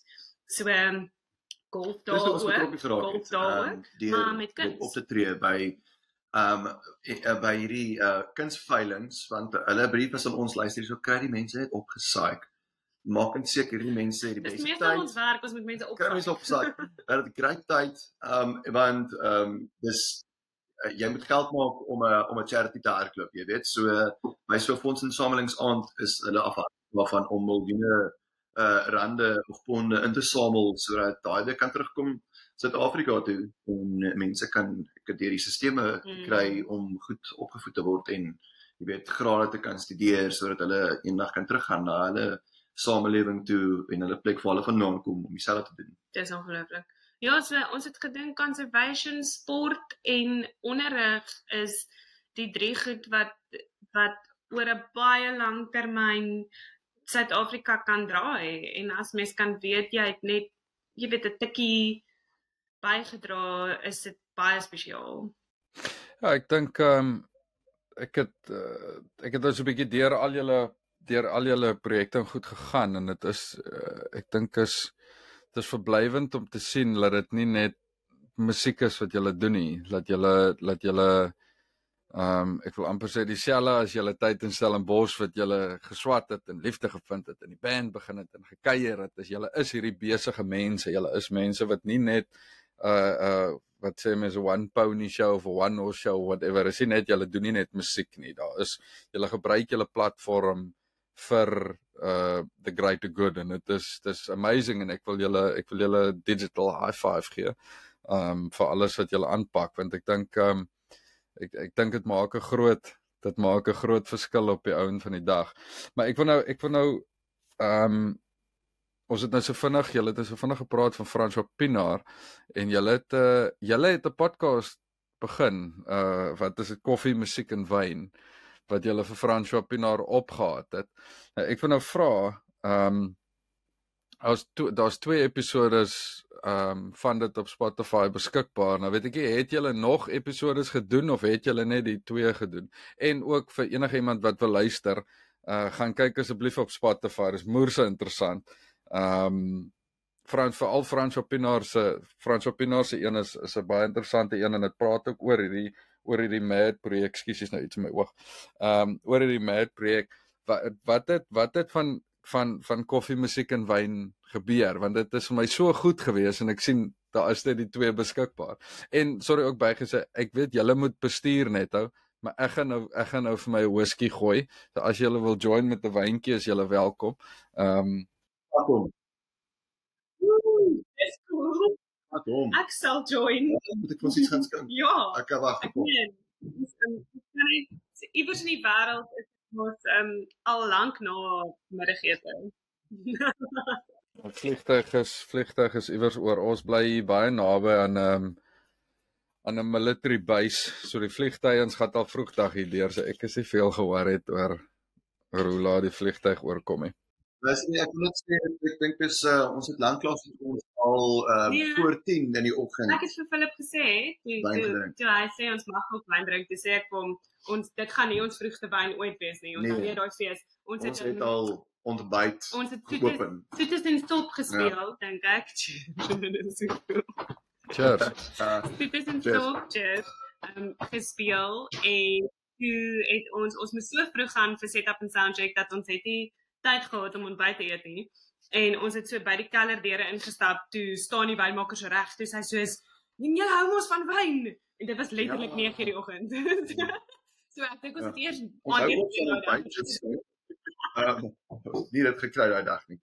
Ehm um, so ja nee, ehm um, hier is 'n great protein shake hoor. Hierdie Ja. ou ek koffie deur die dag vat. Al jou Philip. Ehm, Ehm nou dat het ek gaan vir Philip foto's stuur van wat hy aan dit is koffie, in my ear musiek en wyn. Ja.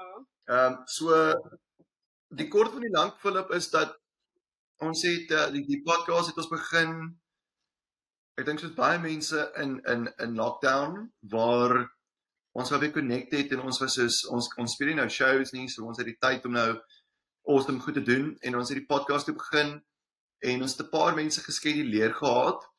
Um waarvan ons eerste was 'n chat saam met 'n goeie vriend van ons Lionel Smit wat 'n kunstenaar is en uh, ons het net soos Lionel ons het 'n idee ons wil 'n bietjie ons wil 'n podcast begin. Ons weet nie wat gaan gebeur nie. Ons gaan jou bel, ons gaan koffie drink en dan gaan ons chat oor koffie. Ons gaan chat oor musiek en ons gaan 'n bottel wyn opmaak en ons gaan chat oor wyn.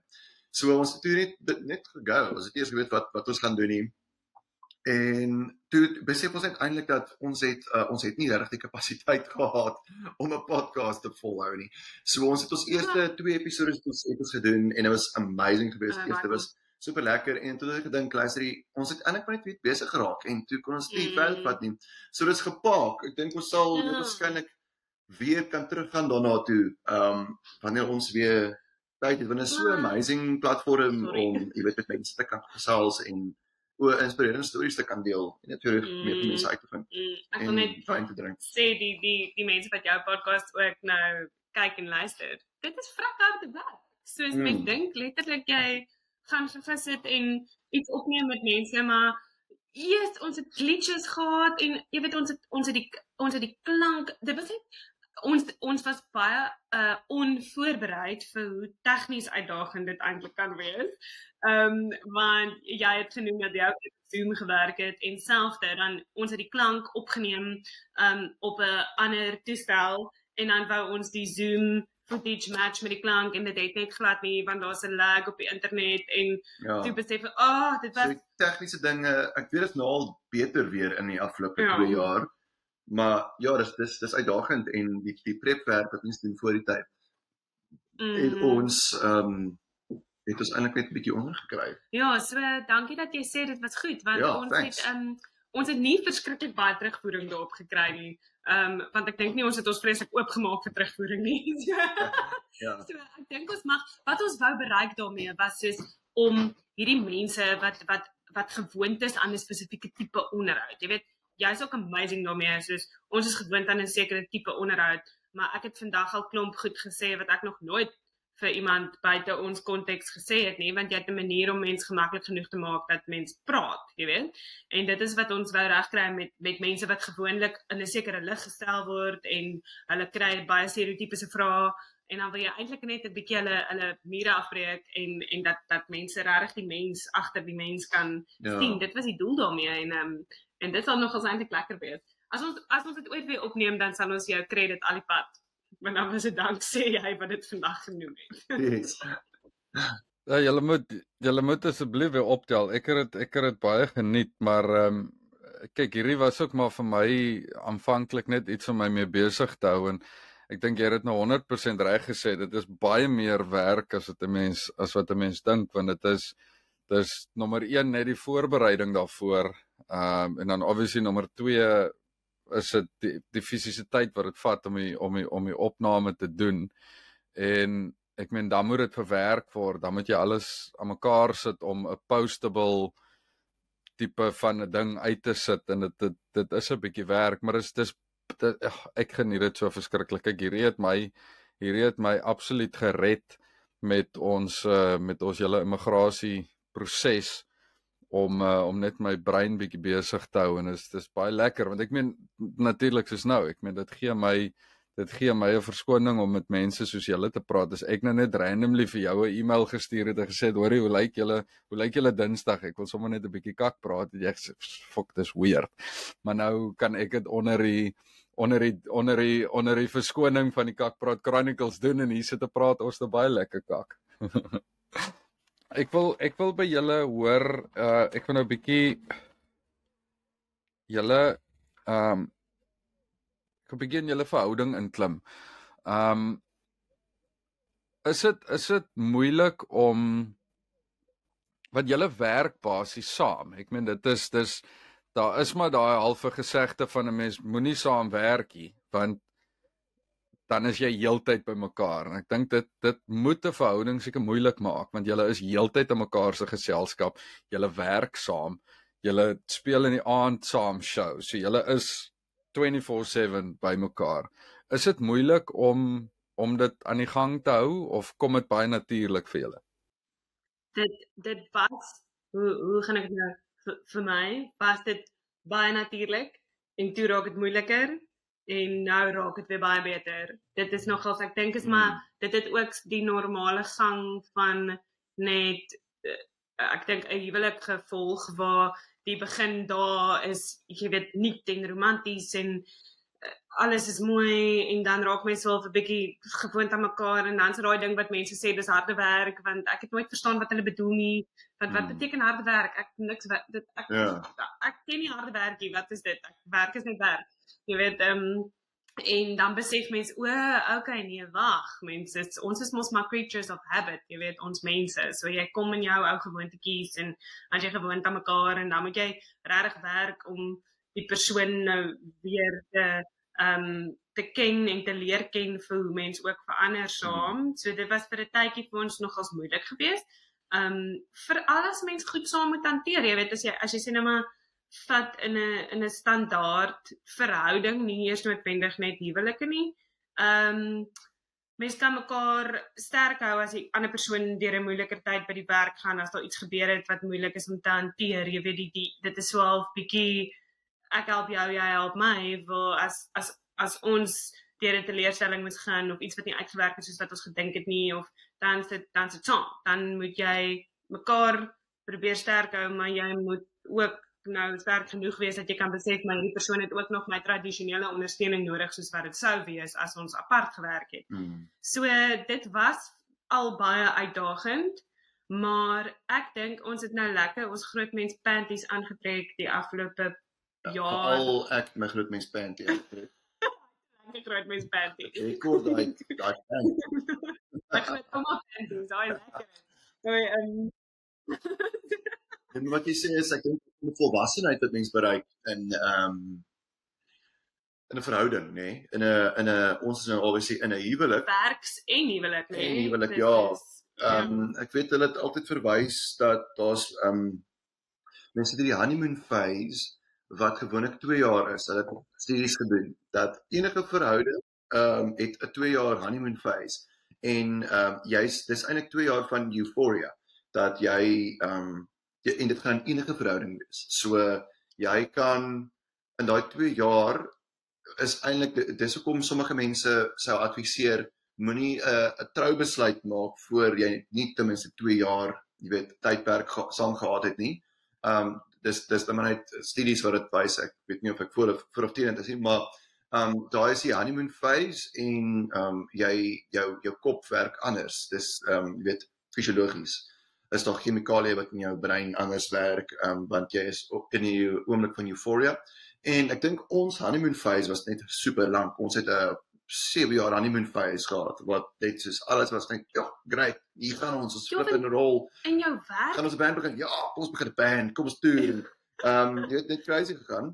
Well, is reinforcing ja. sorry ek het onderbreek, maar soos dis hierdie dis hierdie weird wêreld waar soos people are applauding you all the time, né? Nee? Soos ek meen dis die aard van ons werk. Mense ja. gaan heeltyd soos wow, oh, dit is amazing.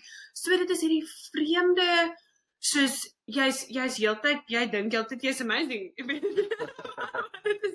people are telling you ja. that. En, en ek dink ek dink COVID was 'n baie goeie tyd dat ons kon actually stil staan en stil sit en toe begin ref, reflect. Um en toe het ons begin besef, um jy weet mense mense dra nogals baie saam met jou as jy eerstens as jy saamwerk, dit is uitdagend. Um dit is great, maar dit is ook uitdagend en um soos wat 'n mens ehm um, baie besluite en groepe saam maak is daar die verskillende maniere wat jy konflik hanteer.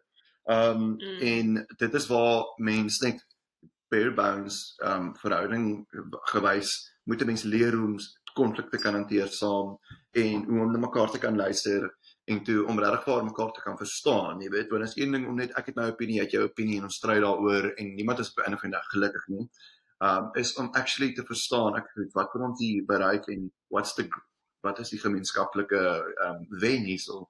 Ehm um, so ons moes beskrik baie mekaar sluip die afgelope paar jaar om om daai te kon doen.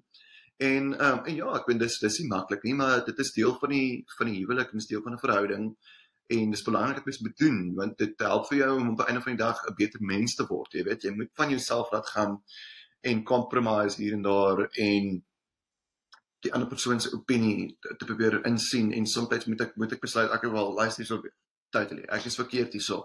Jy is reg. Kom ons Somtyd. Let's just go. let's just go. Um so maar mense mense leef nie aan ek dink vir die actual van van ons werk is mense vra baie keer vir ons, jy weet ons is getroud, ons is ons huwelik uh, ons as ons wat, wat gebeur as ons op 'n kleier het voor ons op stage gaan en, en ons antwoord is wel ons het eerlikwaar um jy het nie regtig 'n bekleier voor op stage gaan nie.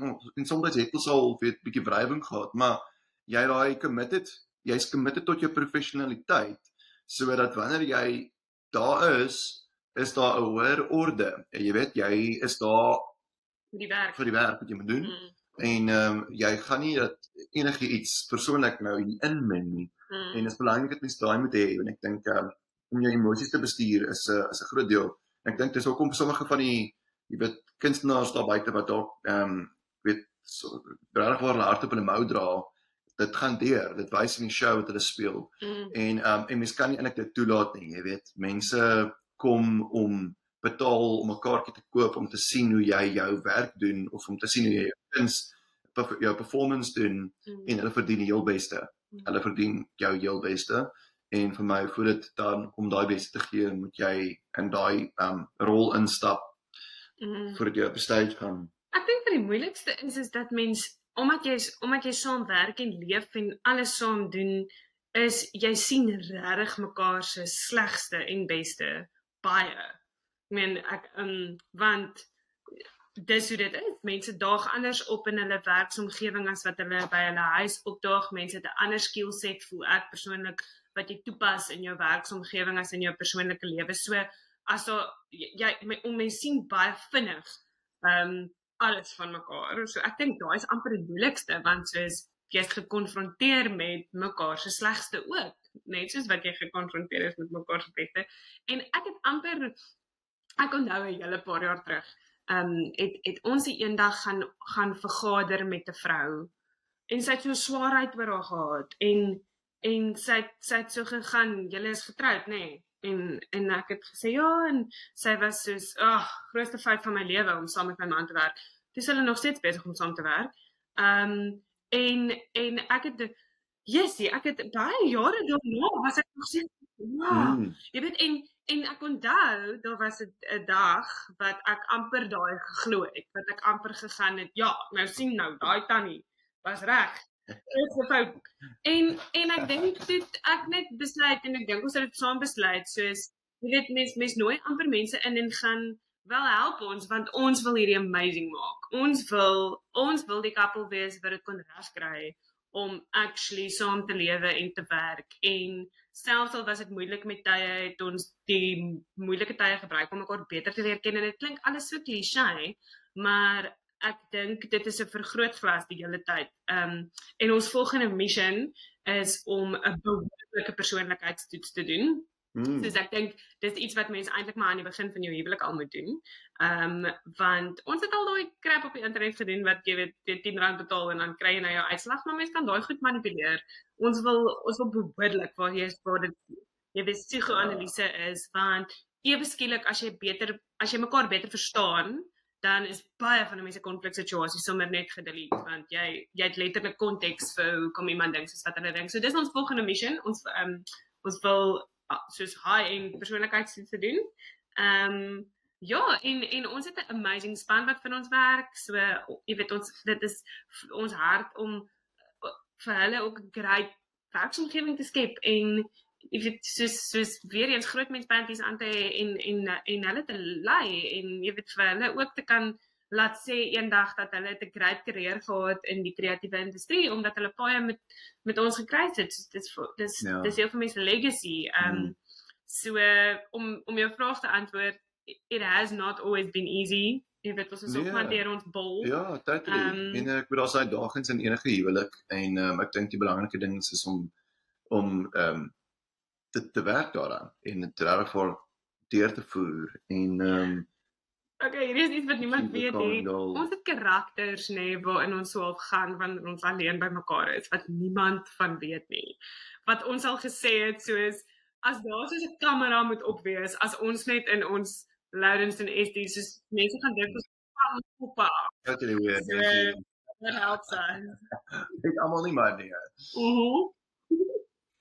Ja, dis ek dink ehm um, Ek dink dit, dit, dit wel dit sou my volgende vraag gewees het want julle het hierdie ehm uh, ek meen julle is obviously julle is twee baie positiewe mense uh, met met met sprankelende persoonlikhede.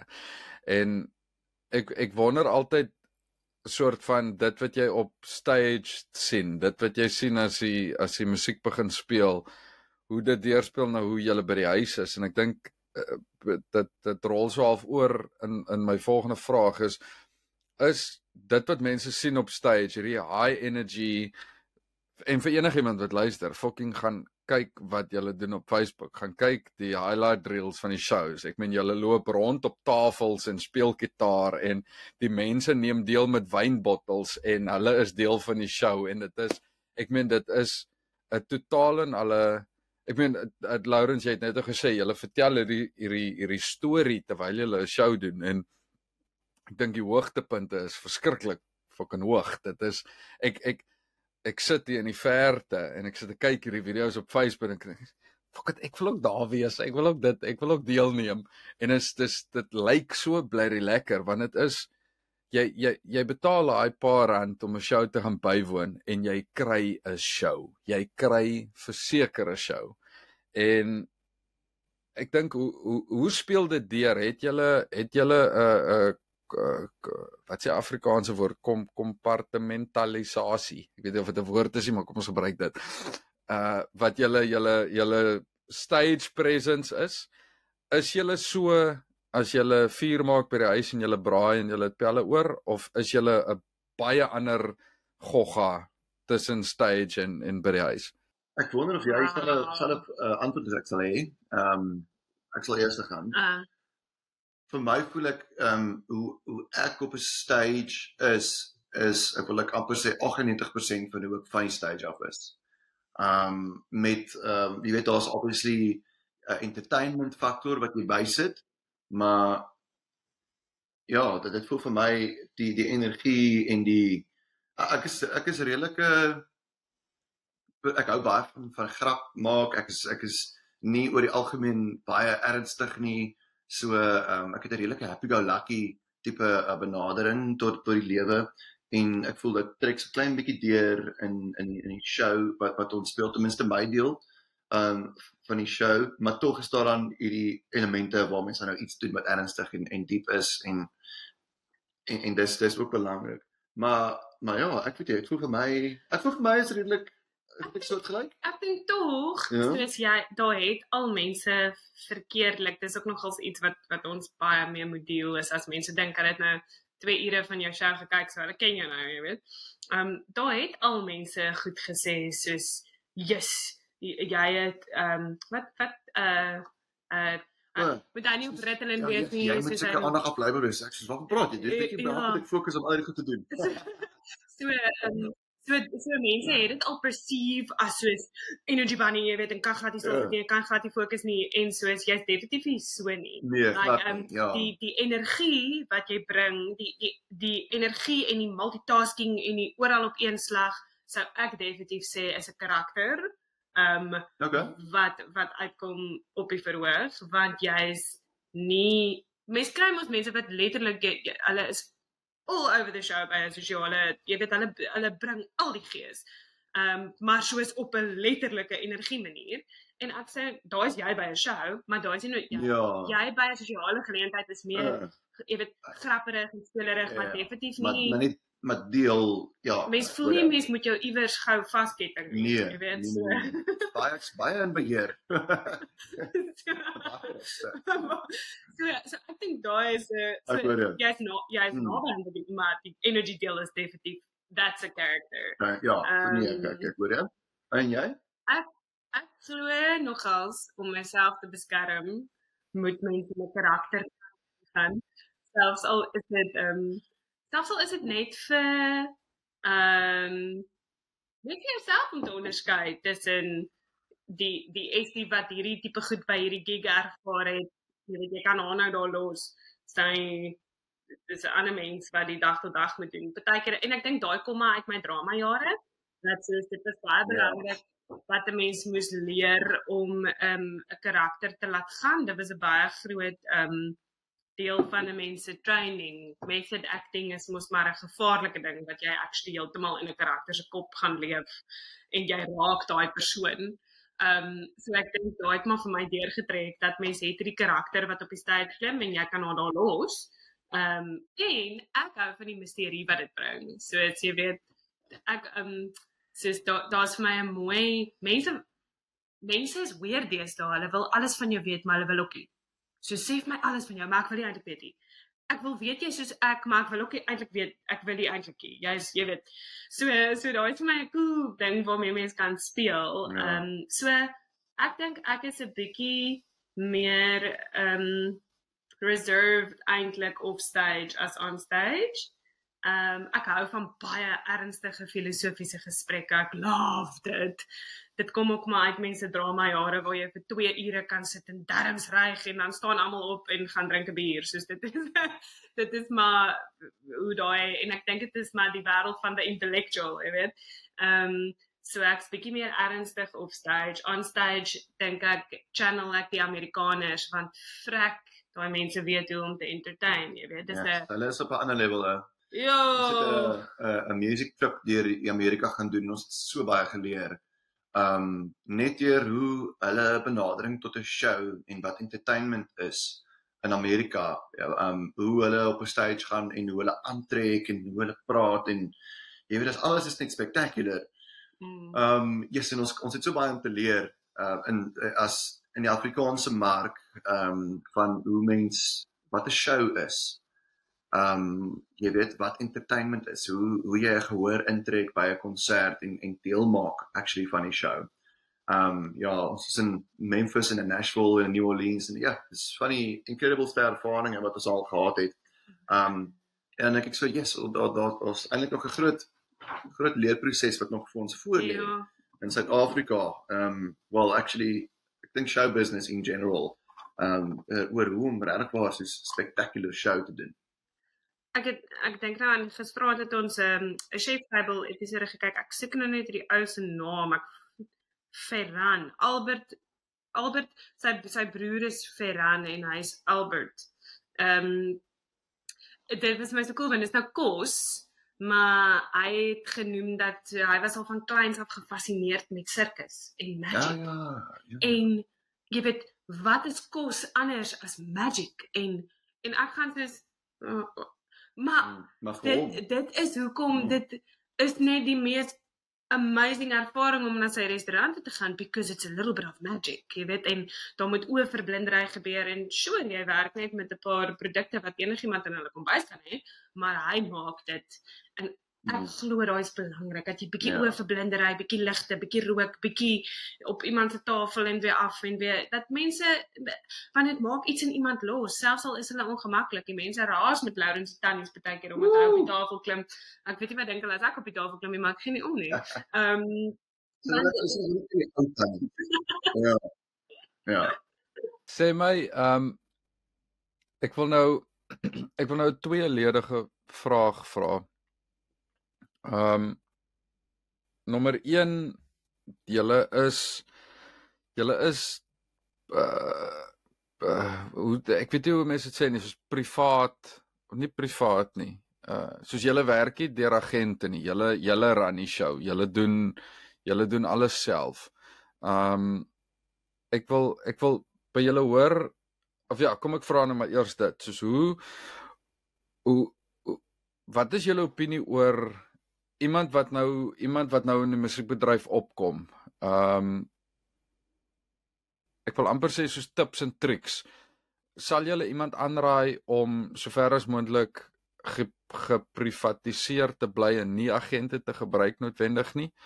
Ehm um, en dan ook wat is julle siening rondom ehm um, CD's uitbring versus musiek vrystel op byvoorbeeld Spotify. Ehm um, die digitale media is deesdae vers, verskriklik groot en jy kan ek dink baie meer my my opinie is jy kan baie meer mense bereik deur Spotify en goed te gebruik. Ehm um, wat is julle wat is julle storie, julle opinie rondom rondom dit want julle doen dit obviously onafhanklik.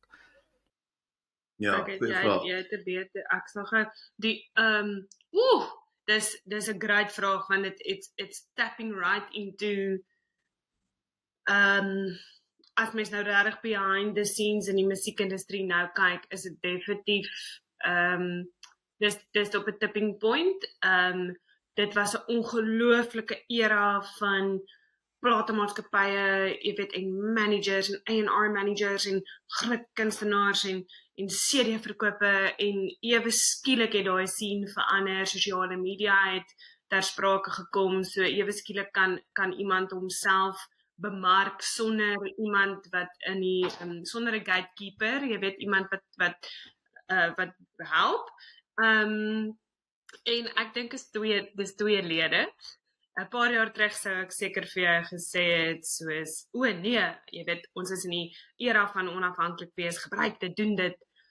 Maar 'n mens besef ook, ehm um, so hard en koud soos wat dit klink, musiek was vir baie jare 'n booming besigheid en platemaatskappye het 'n helse klomp geld gemaak uit musikante. Ehm um, dit werk presies soos wat jy 'n produk sal verkoop, presies dieselfde wat sleg is en waar dit suur geraak het baie keer is dit is ongelukkig mense en jy het ongelukkige En mense se drome. jy het 'n mens Ja. verkoop ja. en jy het 'n- jy het in baie gevalle het jy het jy 'n mens create jy weet en en jy het geld gemaak uit daai mense en jy het daai mense salaris betaal uit die surplus nadat jy jou geld teruggemaak het wat jy geïnvest het wat net 'n dis net 'n basiese business deal maar dit dit het met baie mense se se drome gemors en dan daar's da daar's aardige stories van kontrakte gone wrong en jy weet um, musiekregte wat wat nooit daai kunstenaars in weer is nie en mense wat in armoede sterf eendag want jy weet hulle het nooit hulle royalties gekry nie. Um, maar soos met enigiets is dit nie alles sleg nie. Ek dink die musiekindustrie het homself tot op 'n plek opgebou waar hierdie mense verdien het om in sekere opsigte die gatekeepers te wees en waar soos met enige industrie dit verskriklik weird is as hierdie jongelinge wat niks weet nie inkom en sommer net als kan akses. Jy weet, sommer op die radio kan kom en op YouTube en op TV en op de, iets daarvan is tog soos ja, maar jy weet ons het gewerk om hier 'n stelsel in plek te kry van hoe dit werk om die kanale te akses en dis amper onregverdig dat enigiemand nou net kan doen wat hulle wil. So daar's daar's weer eens hierdie twee wêrelde wat amper bietjie bots met mekaar. Ja. Ehm um, daar daar sou nooit 'n platform vir onafhanklike kunstenaars gewees het as dit nie was vir sosiale media nie. So daarvoor is ons ontsettend dankbaar. Mm. Ehm um, but the gatekeepers are a real thing. Ehm um, daar's definitief goed wat jy nie kan net nie kan access nie want jy het net nie die regte persoon se nommer op jou foon nie. Ehm um, wat interessant Mm. is. En dit is ek ek glo op die ouens van die dag die media voel ook die druk. Ek praat nou van die eindpunt so ons is nou die kunstenaars en dan hier iewers in die middel is die is die platenmaatskappye en dan se die media en die media voel ook die druk om konstant vir mense iets interessant te gee. So gelukkig voel ek as hulle jou interessant vind en hulle het vir jou lief geraak, dan gaan hulle jou in elk geval direk kontak. Dit vat net 'n bietjie langer. Ehm um, wat 'n pluspunt is en dit is waar sosiale media weer eens in 'n mens gun stel. Hmm. Ehm um, maar ja, ek sou ek ek sou hoop dat daar binnekort ehm um, ooreenkomste met platenmaatskappye kom wat wat wat heeltemal rethink is, want dit is Ja. nou nodig. Want kunstenaars kan tot op 'n baie groot mate nou hulle eie stem hê, hulle eie vingerafdruk op dit sit. Maar daar is tog daai need net vir daai bietjie afbreek van die laaste red tape van jy weet die die feeste byvoorbeeld dit is baie moeilik om op die groot festival line-ups te kom sonder die platemaatskappye. Ehm um, daar's 'n paar goed wat net daar's 'n hekkie om dit gebou en ek neem hulle nie kwaadlik nie. Ja, ek Ehm, neem aan hulle het dit seker maar net daar gesit want dit is om hulle 'n competitive advantage te gee, jy weet. Mm. Ehm um, deur te teken by hierdie platemaatskappy gee vir jou toegang om op hierdie spesifieke show te wees, jy weet wat ehm um, hulle gebou het met groot ehm um, investering in bemarkingskrag om 'n uh, jy weet 'n uh, 'n highlight te wees op 'n jaarlikse kalender, musiekkalender. Afrikaans is groot. Uh onder wel ja, dit kan enigiets wees, maar maar byvoorbeeld dit, jy weet, dit is soos ehm um, dit is 'n platemaatskappy wat ehm um, hierdie konsert aanbied vir hulle kunstenaars. Ehm um, wat geteken is by hulle. En ehm um, ja, so ek dink die publiek ehm um, is het, het nie eintlik 'n idee hoe die musiekindustrie werk nie. Dis 'n dis 'n dis 'n baie waar ding. Hoewel almal dit almal consume musiek, maar maar niemand weet regtig waar hoe die die industrie werk nie. en moet hulle. Ehm um, ek weet nie, dit is So, seker 'n is 12 mens kan seker begrip hê daarvoor, maar ek dink musiek is daar so dat jy dit kan luister en dit kan love, jy weet. So maar om jou vraag te antwoord oor die oor die digitale gedeelte, ek dink ehm um, albums is definitief iets van die verlede. Ehm um, fisiese series, druk van series. Ehm um, meeste van die van die actually CD manufacturing plants is is nou ook het toegemaak want hulle het nie meer CD's om te druk nie. Maar vinyl is weer 'n ding. So mense actual music lovers sal 'n vinyl koop, jy weet, en dit gaan hom nie onder R50 kos vir die vi- vir die CD nie. Dit kos hom nou R450 vir 'n vinyl, maar hy's bereid om dit te betaal want dit is soos dis cool. Dis 'n samelstuk en dit lyk cool in 'n boks. Daai jy, jy kan jy kan lirieke lees en jy kan deur die boekie boekie blaai. Daar's iets baie cool daaraan wat ehm um, die proses van 'n van 'n album, jy weet, volmaak. Ehm um, en ek dink wat dit gedoen het, is dit het baie mag in die kunstenaar se hande geplaas om om meer deurlopend te kan musiek uitsit wat, wat ons almal nog altyd baie graag wou gedoen het. Want 'n uh, die die die waarheid is om musiek te maak is actually dit kos geld. Dis die ehm um, die average koste om 'n om 'n single op te neem afhangende van waar jy dit doen. Jy kan dit op jou eie doen. Jy kan een doen vir R5000 vir R10000, maar gewoonlik 'n goeie kommersiële produksie gaan jou so R15000 kos net vir die opname van 'n sang, een sang. Ehm um, 'n musiekvideo kan jy enigiets tussen 10 tot 30000 rand kos. Ehm um, en dan Prys. nog die PR, jy weet die public relations, radio submissions, al daai goed praat jy van min of meer ook 10000 rand plus. So as jy dink as jy een song met 'n musiekvideo baie goed wil uitrol kommersieel, dan kyk jy na 'n budget van 50000 rand vir een song. So ehm um, in die verlede het jy gebudget vir cinema ehm um, vir cinema, kom ons sê 'n album was die begroting sê maar tot 50000 rand voor gewees en dan het jy nog PR en die drukwerk en al die goed ook bygesit. So min of meer 500000 rand dan jy jou budget wat waarmee jy 'n album wou maak, die volle produksie, alles uitrol, printing, um, PR op die pad gaan en uh, promote en so aan. So daai hele ding het verander. Dit dit jy hoef nie meer 500 000 rand op te spaar en jou jou album uit te gee nie. Jy kan nou by jou huis op jou laptop 'n song rekord en jy kan vir geen koste kan jy ehm um, behalwe energie. Dit gaan altyd energie vat. Jy weet, iewers gaan iemand die energie moet insit om op te maak en tyd insit om die ding te edit en dit te mix en te goed goed te klink. Ja, jy hoef nie noodwendig fisies daarvoor um, te betaal nie as jy dit self kan doen nie. Ehm um, maar wat gebeur is daar's meer kontakpunte. Jy kan nou 'n song uitsit elke maand of elke tweede maand en dit is baie makliker. Jy kan dit digitaal vrystel. Mense kan dit in die UK luister, hulle kan dit in Europa luister, hulle kan dit in Amerika luister.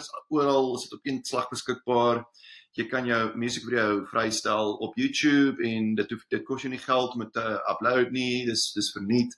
Um die produksie, vervaardiging obviously het 'n koste daaraan verbonde, maar weer eens daar's maniere. Jy kan met 'n goeie selfoon, I mean, een van ons nuutste musiekvideo's, 'n plek aan my tafel is letterlik selfoon footage van toere wat ons ehm um, wat ons net vrygestel het en mense love dit. Jy weet, dis is jy hoef nie uh, 20000 rand se musiekvideo te maak nie. uh, Selfoon footage van 'n paar shows en uh, waar jy die song doen was was ook fine. Nou by wys dit. Ehm um, so ek dink die hele industrie is besig om op sy kop gedraai te word. Wat gaan gebeur is ek onseker oor daar's daar so baie dinge wat wat ontwikkel en wat groei. Mm. Ehm um, so ek ek dink ek dink time will tell. Uh die kreatiewe proses ehm um, gaan jy waarskynlik net nog meer ge-challenge word. Mense gaan ehm um, content raak die die groot ding. So Mm. almal gaan meer wil doen en Dis meer wil uitsit. Een ding wat ek met wat wel vir my vir my persoonlik sleg raak is ek dink in die verlede het jy ehm um, jy kon reg baie tyd sit aan musiek skryf en musiek perfek en dan dit dit uit te sit. Jy kon 'n produk uitsit wat jy aan gedink het en gewerk het en is dis dis reg, dis volmaak. Waar deesdae ehm um, het die sosiale media wêreld so baie van jou tyd begin vat dat dis is eintlik jy ek meen ek het so iemand het so so grafiek gepost en gesê in die p- pre um social media het jy um jou tyd spandeer op seks, drugs en rock and roll en 15% was was PR uh, of was was jy weet was media.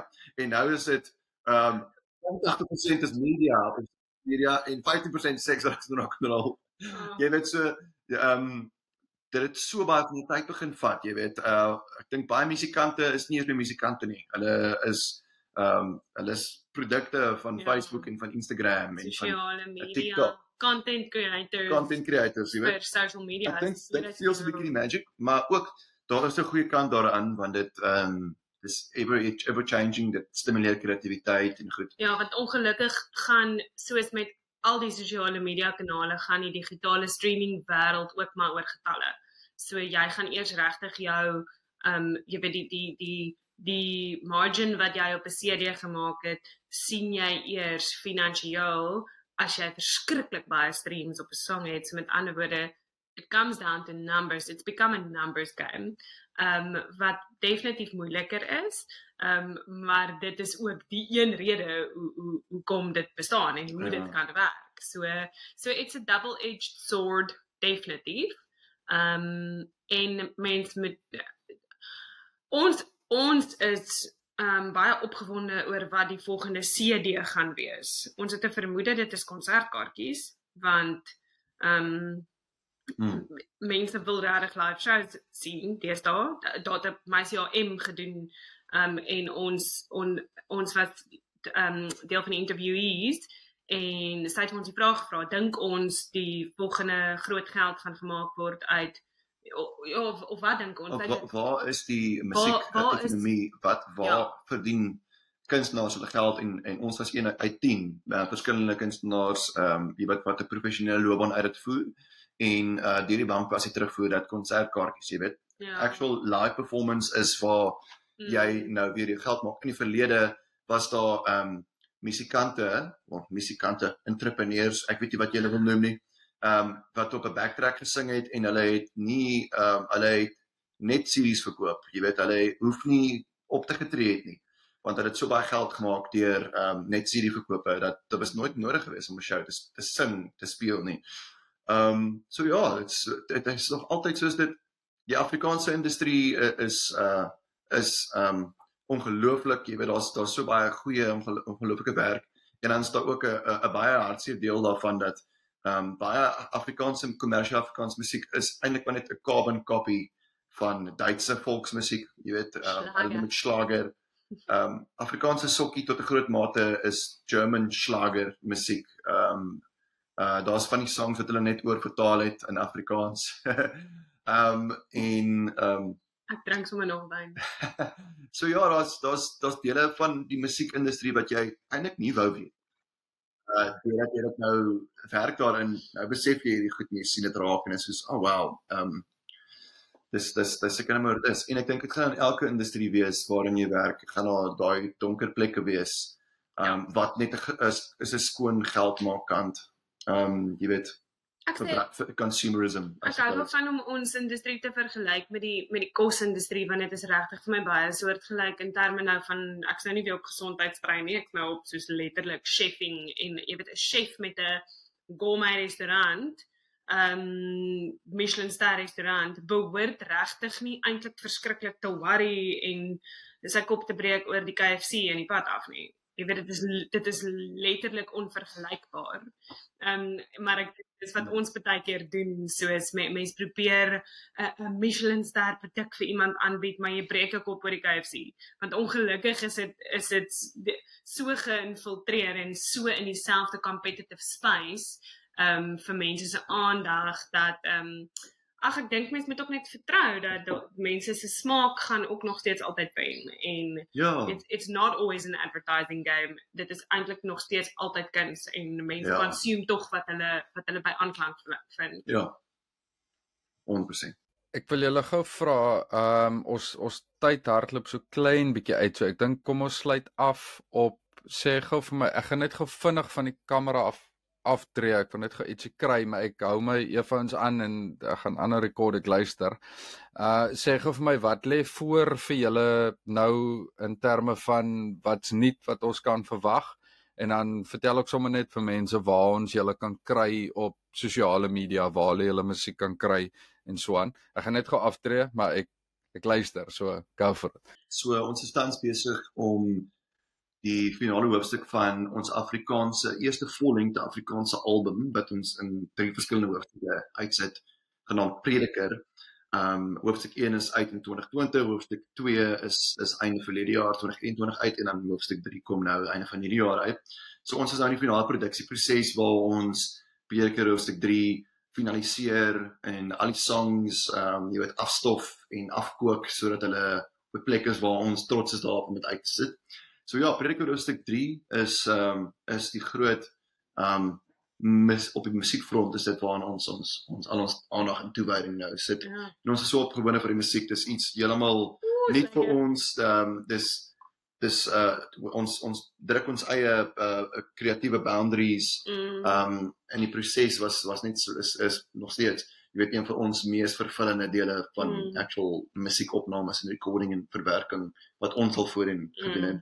Ek wil net uitklaar Mm. ons ons het al ander albums uitgesit. Ja. Ehm ons eerste album was Room with a View wat wat 'n samevoeging was van soos ek vroeër genoem het die die musiek wat ons geskryf het. Ehm amper voordat ons mekaar selfs eintlik geken het en die die eerste dae se werke en toe doen ons die Antilia album waar op 'n bietjie Afrikaanse werk was maar nog hoofsaaklik Engels.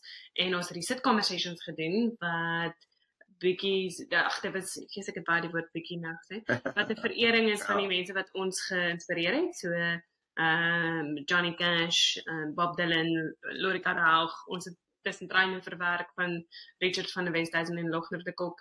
Ehm um, eintlik nadat ons in Engeland was een keer en, en nooit die ons kon nie die treinstelsel so lekker onder die knie kry nie. Ja. So het ons heeltyd tussen treine vir mekaar geneer en gelag.